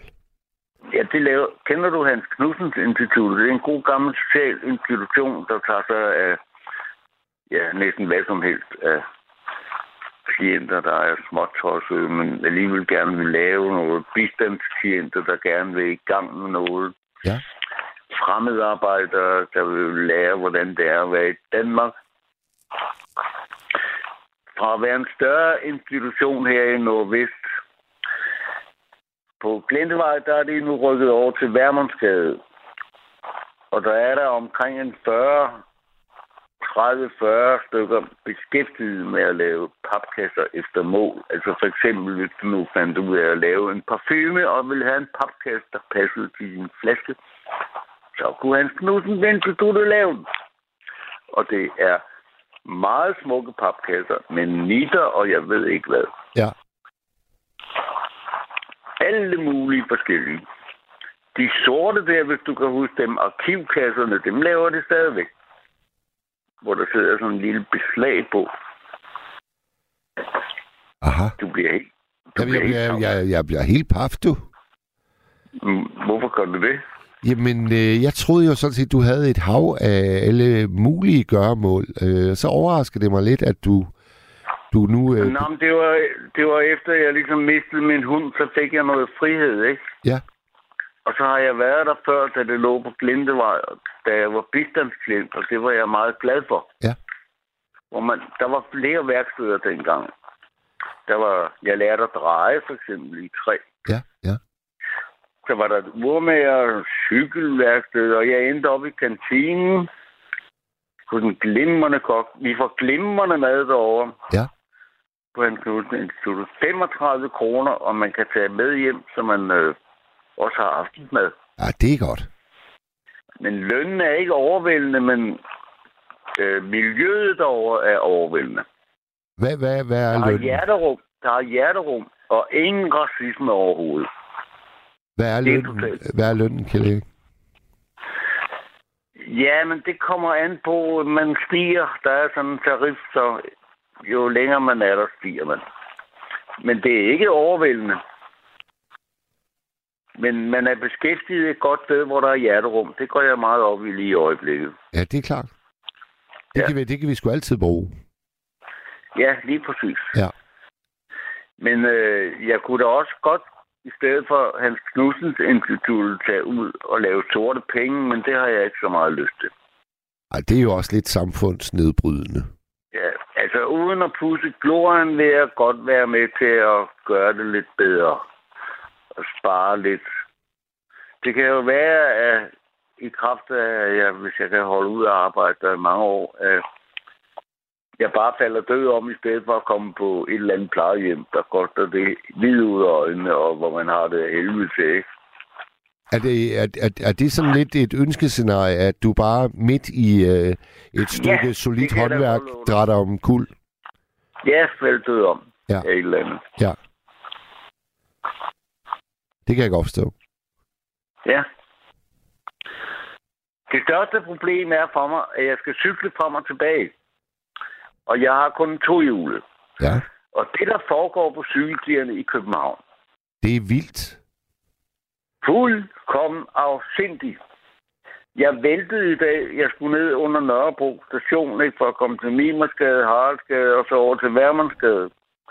Og så holder jeg der for Nørrebro station, ikke, altså for et lys. Og så bliver det grønt, så begynder jeg at køre over. Så kommer der en af de her vilde trehjulede elcykler, ikke? Ja. Og svinger lige rundt og skal ned ad Nordre Frihavnsgade. Ja. Og så bremsede jeg, og det er en høj cykel, jeg kører på. Det er en gammel Hejno, jeg væltede. Ved du, hvad hun gjorde? Nej. Hun kørte et stykke. Jeg råbte efter, han ikke dumme kællinger og alt muligt. Hun kørte bare et stykke ned ad Nordre Frihavnsgade. Så vendte hun hovedet om og rystede på hovedet af mig. Der er vi i dag, Mads. Jamen, jeg, øh, det er ikke mere end en uges tid siden, jeg måtte samle en af de trehjulede chauffører op, efter at Ja. hun havde ramt en kantsten i fuld Ja, fart. lige præcis. Og det så- kan de ikke klare, de tre hjul. Nej, nej, så tippede den simpelthen og, og, og faldt øh, til højre i sådan en langsom gengivelse, og hun skyllede jo bare ud som sådan en, øh, en fisk, og, ja. og slog sig som ind i helvede, og, og var også chokeret. Ja. Så, øh, så jeg, måtte, øh, jeg, måtte, jeg måtte komme hende til undsætning, og først få, få hende op at stå, og så få den trehjulede op at stå. Det var, det var Ja. et lille hverdagsdrama, det må jeg sige. Det, det, det er et helvede, og der er mange, jeg ved ikke, hvor mange, der er mange, der kommer til skade, har jeg hørt, ikke? Jo, jo. Af cyklister, ikke? Og hvad gør politikerne? De gør ikke en skid, vel? De tillader også de der afsindige knaller der på cykelstierne, ikke? Og de kommer kraftedeme med 60 km i timen, nogle af dem, fordi de er udboret, ikke? Ja. Altså budene der, pizzabudene, ikke? Jo, jo, jo. Og så elcyklerne, de kan dele med også køre hurtigere. Så kommer de bagfra lydløse, ikke? Jamen, jeg forstår dig. Jeg Jeg forstår dig. faktisk, jeg har faktisk overvejet, men det, det er en meget smuk cykel, jeg har, men jeg har faktisk overvejet at montere sådan nogle bagspejl på den. Ja. Så bliver den grøn. Jamen, kan du ikke gøre det nede på øh, Hans Knudsens øh, værksteder? Jamen, de har jo ikke sådan noget decideret cykelværksted mere, vel? Det er kun papkasser, ikke? Okay, okay. Ja. Men det kunne jeg se. Men jeg har en god cykelmekaniker nede i Mimersgade. Han kunne sikkert hjælpe mig, men jeg er ikke interesseret i at få bagspejl på en cykel. Jo, en motorcykel, men det er sådan en anden snak.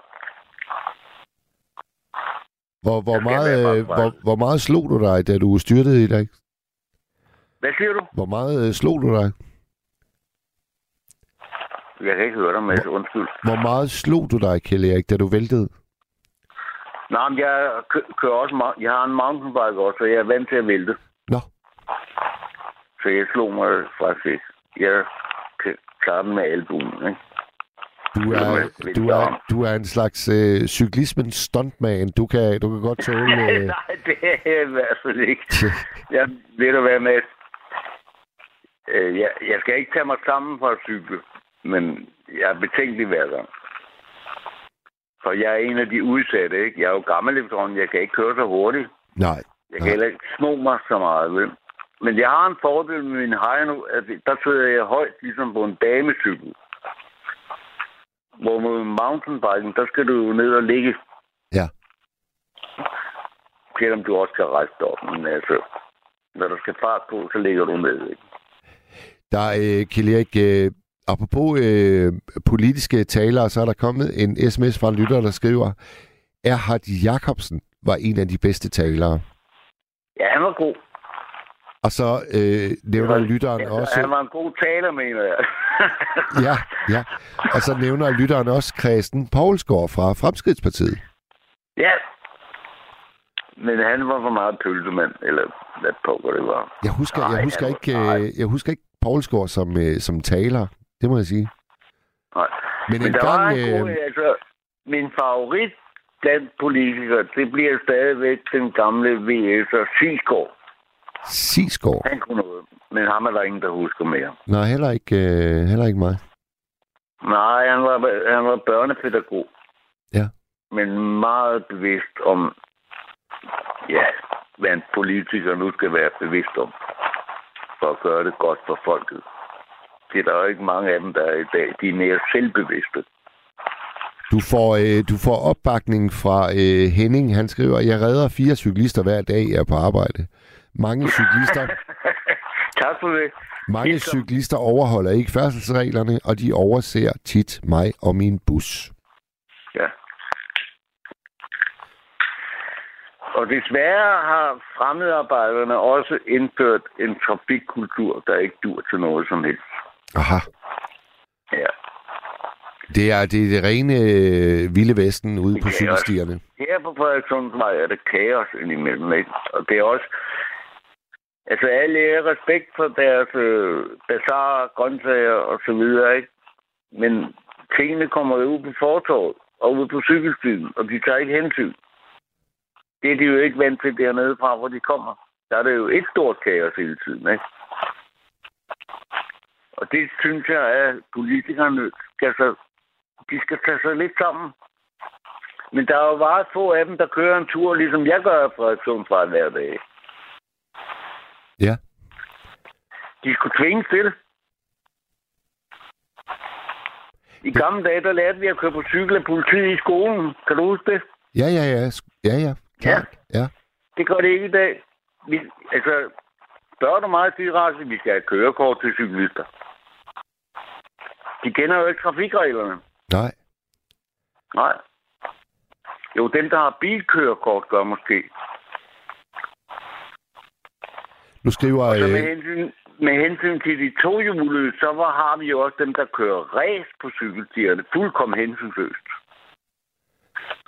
Og råber og skriger af os, når vi ikke kommer i vejen, så de kan fortsætte med deres 50 km i timen, ikke? For det er jo det, de vil.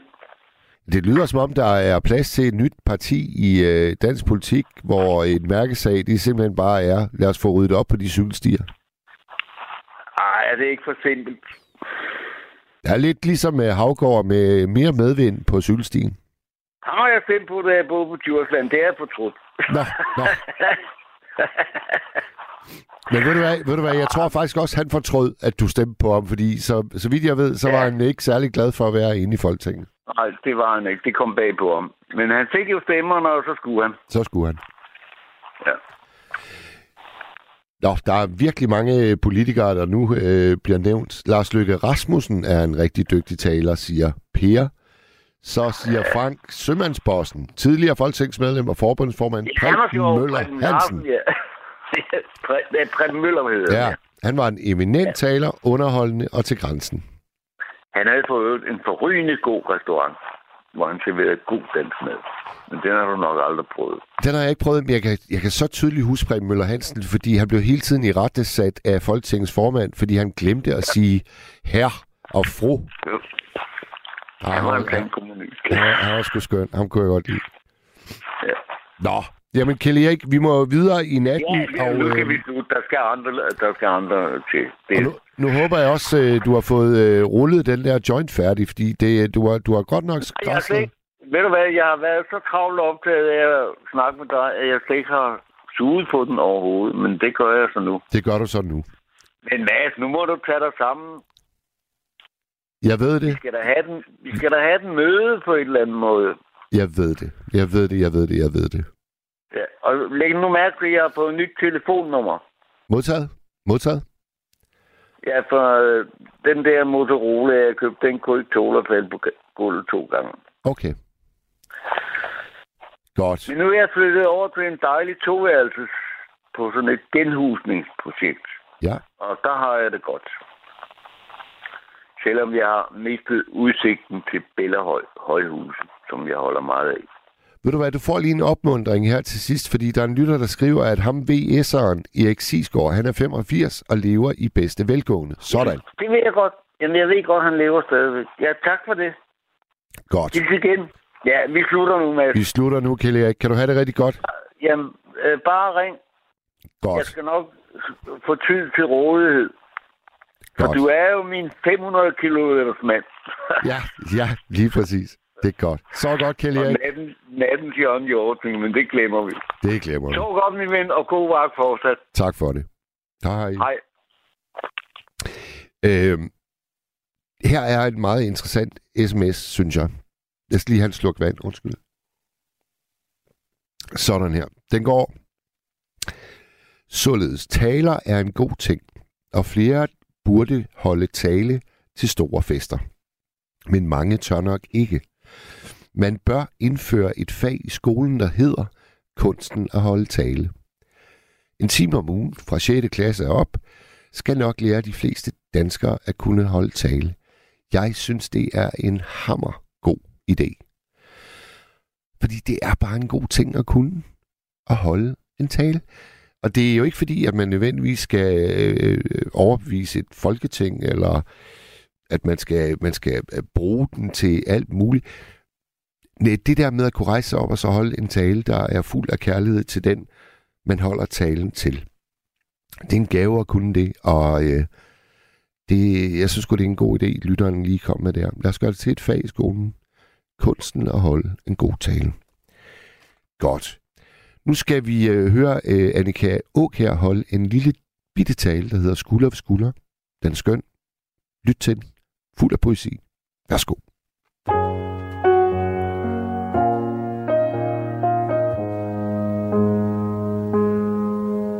Du har ingen rynker i panden Og ikke en eneste bekymring tror på Gud eller nogen anden Du er ikke bange for smerten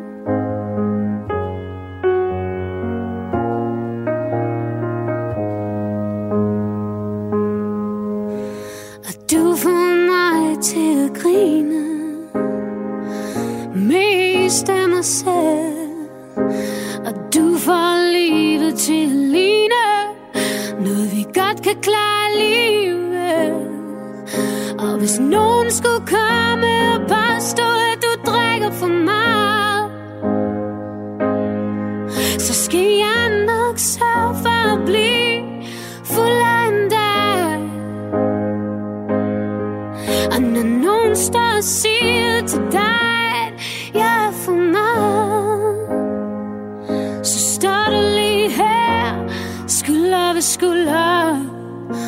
mig. Og siger, at jeg er som et lys i vinden. Og jeg siger, at du er størst, eller mindst lige så stor som Anne Lennon. Imens ingen er os dør tørst Og hvis nogen skulle komme og påstå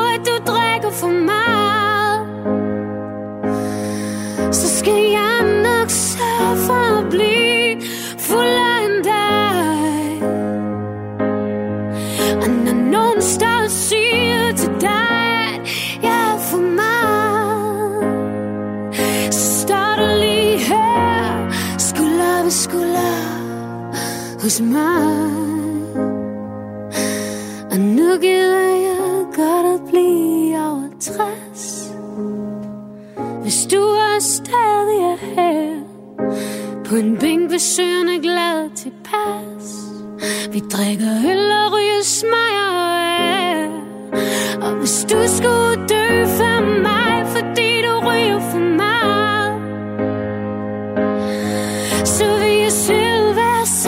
sommer tænke på dig. Og når jeg går og synes, at liv bliver lidt for meget, så sidder du lige her, som en engel på skulderen af mig. Helt uden rynker i panden Og ikke en eneste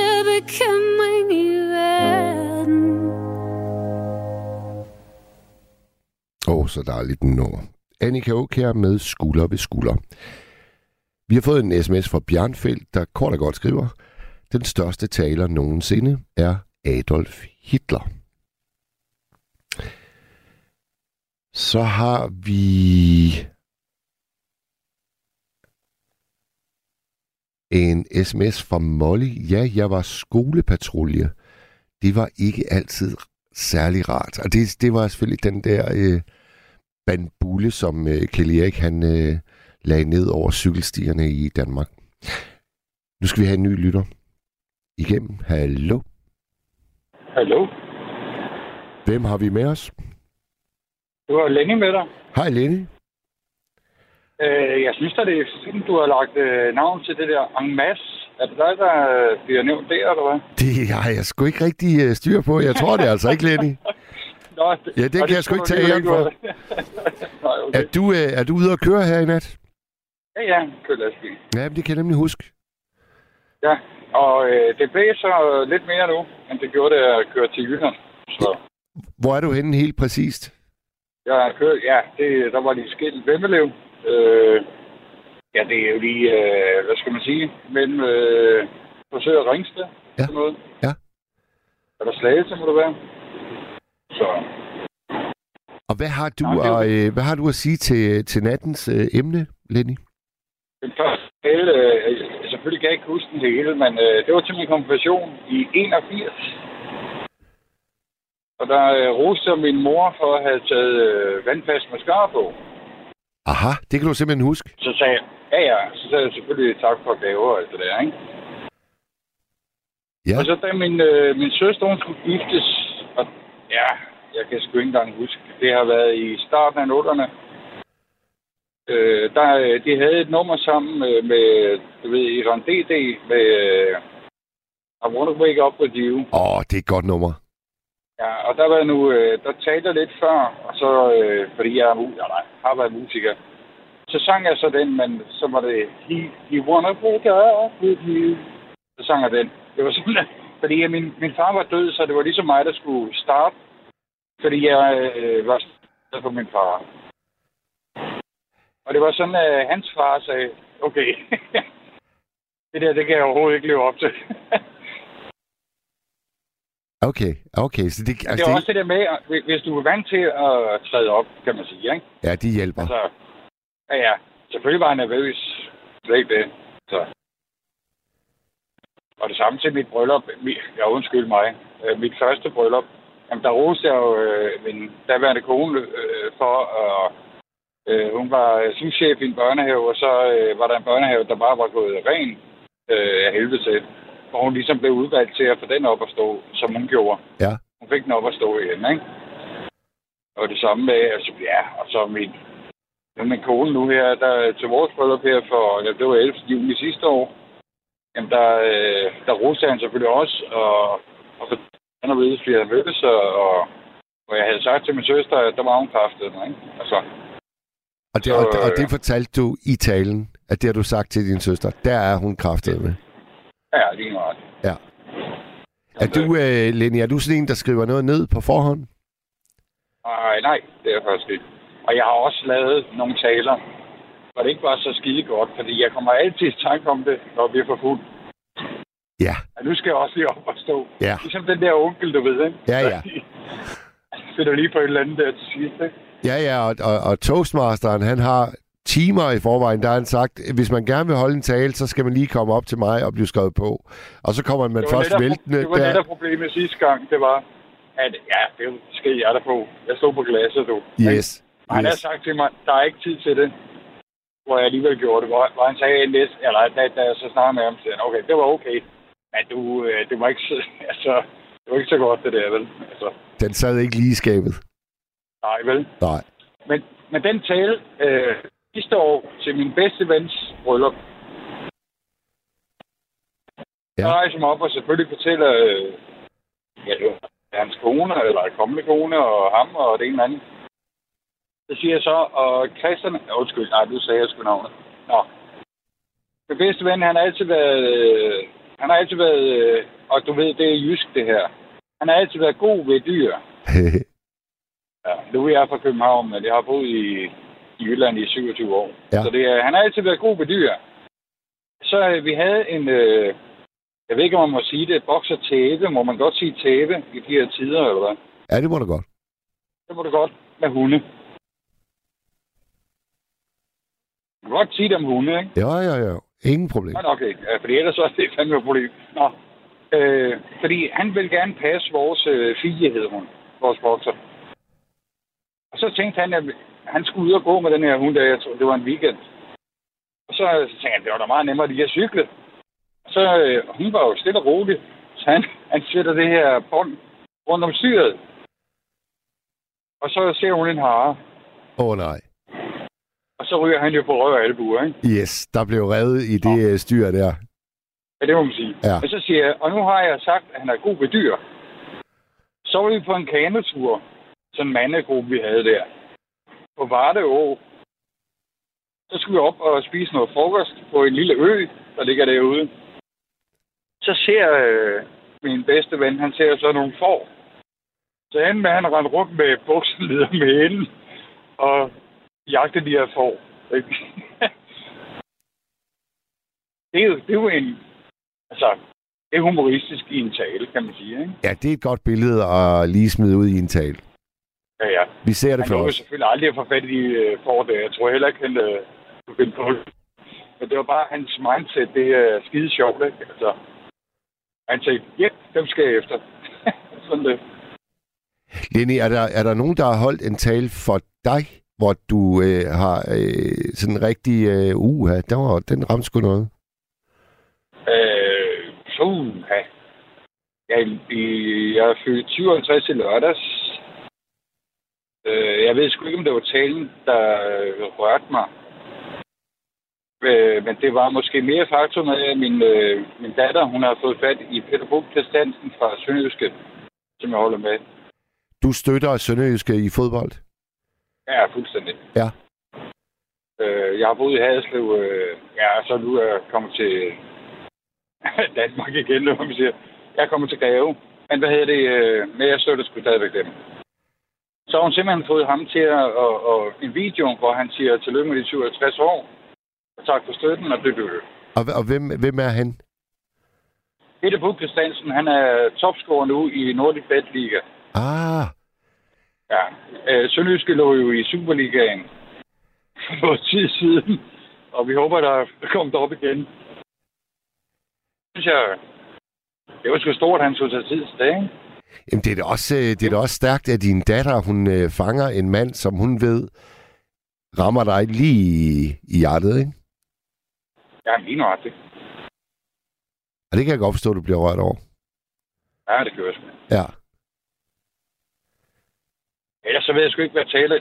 Altså, jeg har været øh, forsanger, jeg har været og det ene og andet, så jeg har ikke så mange problemer med at stille mig op. Var lige, øh, lige før, når, det, når jeg ved, at jeg skal op og sige et eller andet, så bliver jeg nervøs, selvfølgelig. Fordi ellers så er man jo ikke menneske, vel? Men, øh, men ellers så, øh, jeg har også været tillidsmand og sådan noget. Det, det var sgu også nogle gange lidt svært at skulle stå og sige, ja, nu bliver vi fyret alle sammen. Ja. Men øh, altså, ja, nej, det lykkes så ikke, vel? Men, men, men det er sgu... Man, man, selvfølgelig skal man have noget... Man skal være lidt, lidt nervøs inden. For ellers så virker det ikke. Altså, Og det er meget sjovt, du sagde det der med, med tillidsmand, fordi jeg har lige fundet en, øh, en sms fra Frank. Han skriver, Hej Mads, min første tale var til min konfirmation som 14-årig. Det var svært at sætte ord sammen, da både min biologiske far og papfar var til stede. Så jeg gik i køkkenet og drak tre tuber, inden jeg gik ind og slog på glasset. Talen skrev jeg på toilettet på et stykke toiletpapir. Det gik nu meget godt, og alle klappede. Sidenhen har jeg arbejdet som tillidsmand og har holdt mange taler både i små og store forsamlinger. Det at holde en god tale er lidt af en kunst, selvom den også godt kan være improviseret. Tak for den, Frank. I har noget til fælles der, dig og Frank. jamen lige nu er det, fordi selvfølgelig som tillidsmand, så skal du også passe på, hvad du siger, fordi øh, og mange gange er der øh, spørgsmål, ikke? Jeg- fik at vide på det der øh, kursus der, at du skal ikke sige, og hvad siger salen? Fordi salen kan ikke sige noget, vel? Men Nej. hvis du får stillet et spørgsmål fra, øh, du holder en til et eller andet møde der, hvis der du ikke kan svare på det, så er det bedre at sige, "Ved du hvad, jeg vil gerne vende tilbage til det, fordi lige nu, jeg ved det faktisk ikke, men jeg vil godt undersøge det. Ja. I stedet for at stå og, og komme med et eller andet, du ved, som du aner ikke selv, om det er sandt, eller hvad fanden det er, vel? Altså, så er det meget bedre at sige, ved du hvad, det ved jeg, så meget har jeg ikke lige læst op på det, jeg vender tilbage. Ja. Ja. Det giver god mening. Jeg tror også, øh, rent talemæssigt, så giver det god mening, som vi var inde på i starten af nattens program.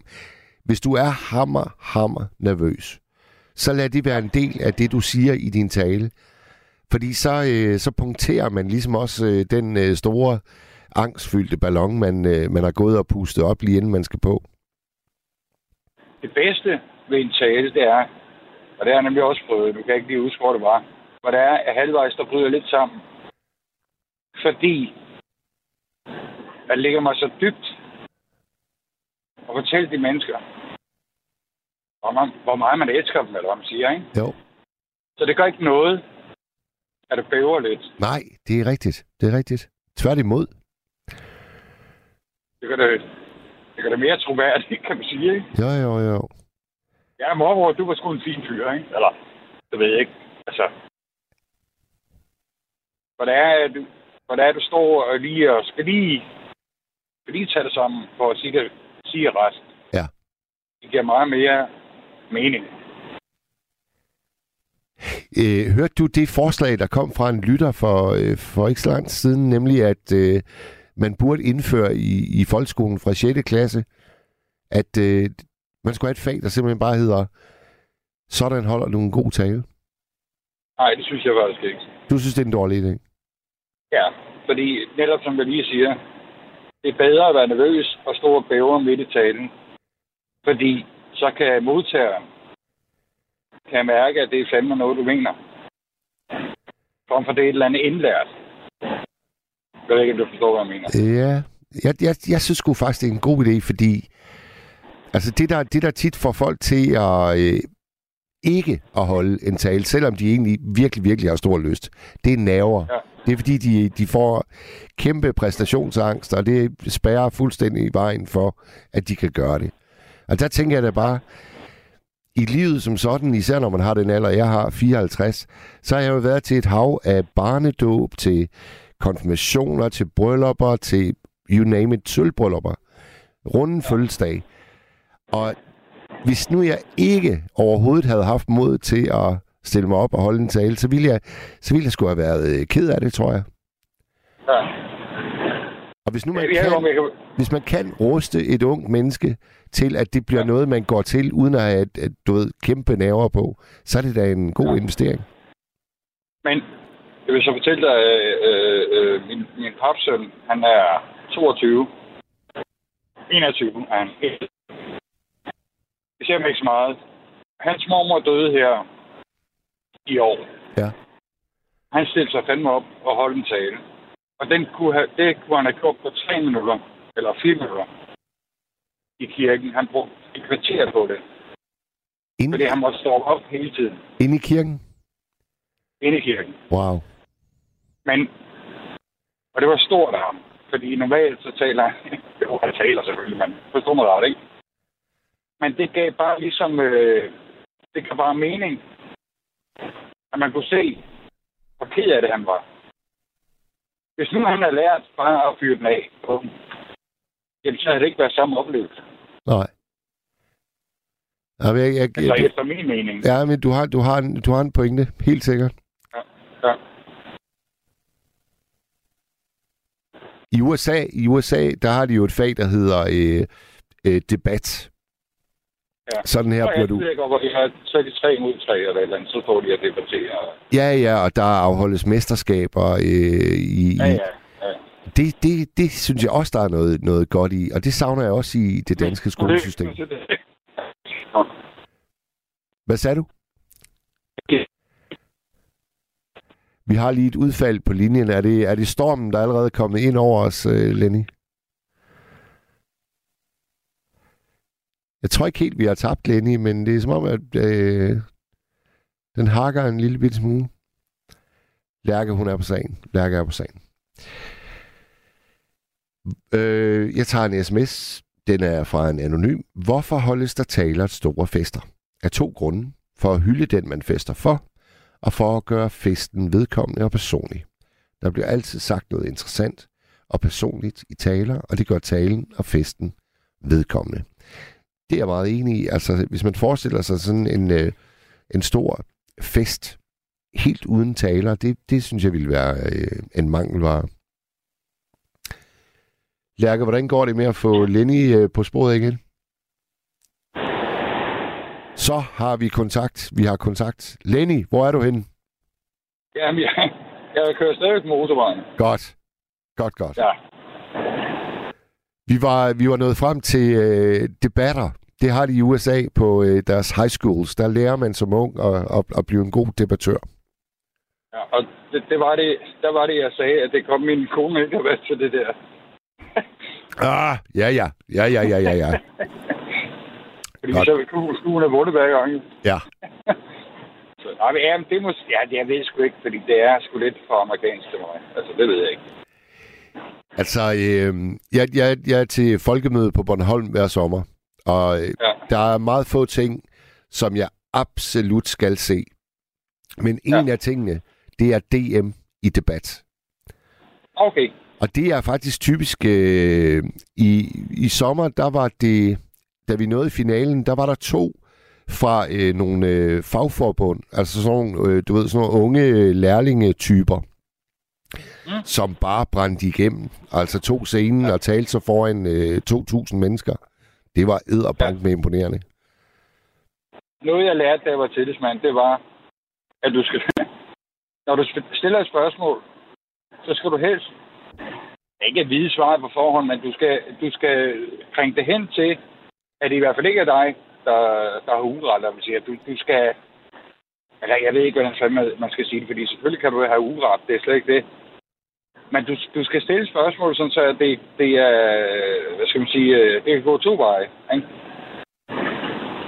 Jeg ved ikke, om du forstår. Jo, jo, jo, jo, jo, jo. Er Fordi du, ellers, øh, så, så, det, så er debatten, den er slut, hvis det er, at nå, nå så det. Ikke? Ja. Altså, jeg er ikke tillidsmand nu. hvorfor valgte du at, øh, at sige ja til posten som tillidsmand? Ja, dengang, fordi, øh, altså, ham der var tillidsmand, øh, nu er det, og så var der tillidsmandsvalg, og der var ikke andre, der ville stille op, og så tænkte jeg, hvis det er, at jeg skal have det, som jeg vil have, så bliver jeg nødt til at stille op, og jeg var der øh, fire og et halvt år, hvor jeg er tillidsmand. Ja. Så. Fordi jeg tænkte, jeg gider ikke, øh, så kan jeg gå og være skidehammerende sur på en eller anden, der ikke gør arbejde ordentligt, så vil jeg fandme hellere selv gøre det. Sådan. Ja, jeg bander. Ja. Og det, var, det gik rimelig godt. Ja. Så.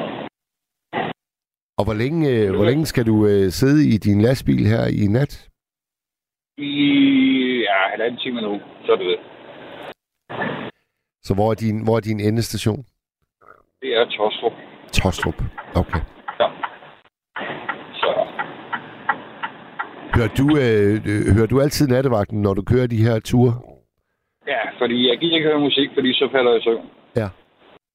Der er jo... Øh, Ja, det, der, er, det er virkelig godt også, det der med, hvad hedder det, øh, de der øh, fritidspodcast og ja, alt det der, der er på Radio 4, det kan jeg godt lide. okay. Der er, jo, der er jo lyttere af nattevagten, der, øh, der egentlig ville ønske, at vi slet ikke spillede musik. Har du det på samme måde? Nej, jeg synes, jeg, jeg synes det er fint, at der kommer nogle breaks ind imellem. Det synes jeg. Okay. Så, men altså ikke øh, 10 i løbet af, to timer, vel? Altså, de der, jeg synes, det er fint nok en 5-6 stykker der i løbet af de der to timer. Det er fint nok. Ja, ja. Så. Jeg gider bare ikke at høre musik hele tiden, fordi så har man til falde i søvn. Så Ja. Og jeg, øh, det er måske fordi, de spiller røvkedelige nummer, det ved jeg ikke. men øh, og jeg har sådan en, øh, en tusse i halsen nu, Lenny. Det, jeg har været virkelig, virkelig forkølet her i dagene op til. Så jeg var faktisk meget, meget spændt på, om, er meget spændt på, om min stemme den kunne klare øh, samfulde to timer. Og nu er den altså godt nok også ved at ryge i svinget, skal jeg lige hilse at sige. du klarer det da meget godt Ja, indtil nu. Ja. Ja. Ja. Så vil jeg, gerne lige, jeg vil gerne lige hilse Vogn 8. Han ved, hvem man er. Så, fordi han spurgte, om det var mig, der var i gang igennem indimellem. så Nå, sådan en intern øh, lastbilchauffør ja, det var en intern. Ja, ja, lige meget det. Og det har vi fint Og, plads til. og jeg vil også godt, øh, jeg vil også godt uh, hilse Kim. Kim på motorvejen, som også ofte ringer ind. Ja, lige meget det. Yes. Har, har, I- får I nogensinde lyst til at mødes ansigt til ansigt, når I ligesom... Ja, det, kunne, det kunne faktisk være sjovt, ja. Det skulle I da gøre. Også, Også Chris, der som regel ringer, hun er lige på Storbæltsbroen. Ja, fra Nederlandene. Nederlandene. ja, ja, lige nu. Det Ja, hun er vidunderlig. Hun er, ja, hun er altid sød og vidunderlig, ja. Lige nu. Nu er der nogen, der tidligere nævnt uh, Matador i aften. Jeg kan huske, at jeg havde hende igennem, da temaet var Matador. Og der fortalte hun en meget sød historie, synes jeg, at da hun kommer til, til Danmark, den måde, hun lærer dansk på, det er faktisk ved at se samtlige 24 afsnit. Og hun blev så grebet af tv-serien, at hun valgte, at den skulle hendes hollandske familie der ikke snydes for. Så hun fik på en eller anden måde sørget for, at øh, samtlige 24 afsnit blev oversat til hollandsk. Sådan, Ej, at hun ligesom kunne eksportere vores stolthed, vores store tv-serie til, Ja, til folk i Nederlandene. Det er en gestus... Ja, øh, men- Men også det der med, at man, man lærer hinanden at kende her på nattevagten, ikke? selvom man ikke har ansigt på. Fordi jeg ved, at hun vidste sin mand, og, og jeg ved, at Kims øh, gode ven, øh, øh, Piv Pivs mand, ikke? der døde og alt det der, det altså, man følger jo med. Og den blinde øh, Geo, han, han døde også, ikke? Altså, ja. det, altså, Altså, jeg vil, jo, jeg vil jo altid... Selvom man ikke har set hinanden, så, så er der et eller andet fællesskab alligevel, ikke? Altså, jeg vil jo altid huske øh, Ormen Akke Piv Pivs mand for en gang, ja. hvor jeg var ret ny her på nattevagten, og så er der en, så er der en lytter, der, der sender mig en trussel på sms, og jeg, jeg, jeg går i gang med at læse den, og det er først imens jeg læser den højt, at det går op for mig at holde kæft. Manden, han, han tror med at stå nede på gaden, når programmet er færdigt, og så øh, give mig en ordentlig øh, losing, ikke? Og så, så, så fordi jeg havde læst den højt i æderen, så kom der så øh, en, en sms fra, fra Ormen og Piv Pivs mand. Mads, jeg kører faktisk ikke så langt. Jeg kan godt nå frem til, at programmet det slutter. Der er sgu ikke nogen, der skal tro dig. Jeg er klar nede på gaden, hvis det, hvis det er noget, du har brug for. Du siger bare til. Det er nøjagtigt. Ja, Det glemmer jeg ham aldrig for. nej, Kæmpe skøn gestus. sådan det. Ved det ville jeg også have gjort, hvis, hvis jeg var i nærheden. Men jeg er ikke så stor. Nej, nej, nej, okay. Det, det er så fint. Det er så fint. Men jeg, jeg, så hvis, vi- hvis vi nu var to, så kunne det måske gå. Ja, ja, ja, ja. Ja, ja, ja. Ja. Ved du hvad, Lenny? Jeg vil sige uh, tusind tak for uh, snakken. Ja, og tak for dig, og du er en rigtig god nattevagt. Tak skal du have. Og kom godt til, Altid, øh, til Tostrup. altid øh, dejlig stemme og øh, ærlig og, og medlevende. Tak skal du have, Lenny. Tak, tak. Vi Ja. tales ved en anden god gang. Det gør vi. Godnat, godnat. Net. Og øh, med de ord, så vil øh, jeg sige tak til, til dig, Lærke. Jeg vil sige tak til øh, Thomas, Therese og Kjell Erik. Og ikke mindst her, Lenny til sidst. Vi slutter af med at høre øh, det, vi kan nå af helt og aldeles vidunderlige Monika Sætterlund. Den store svenske sangerinde. Og så vil jeg bare sige, at vi høres jo ved i morgennat, hvor jeg vender tilbage, og det gør Lærke også. Kan I så godt derude?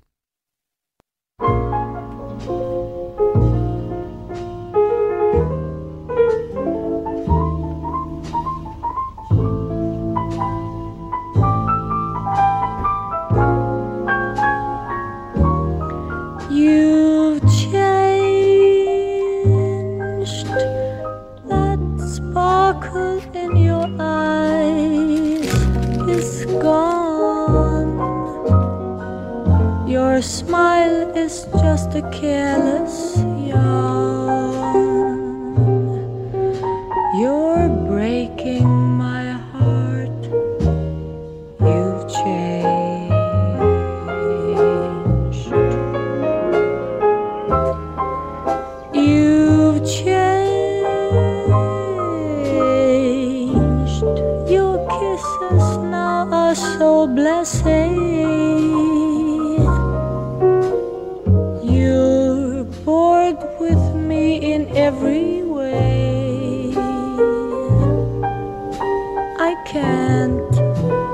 understand. You've changed.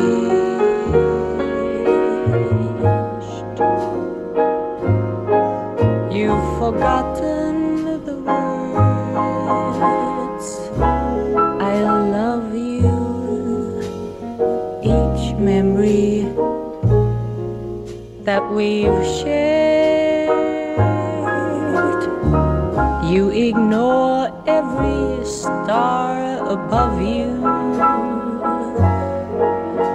I can't realize you ever cared.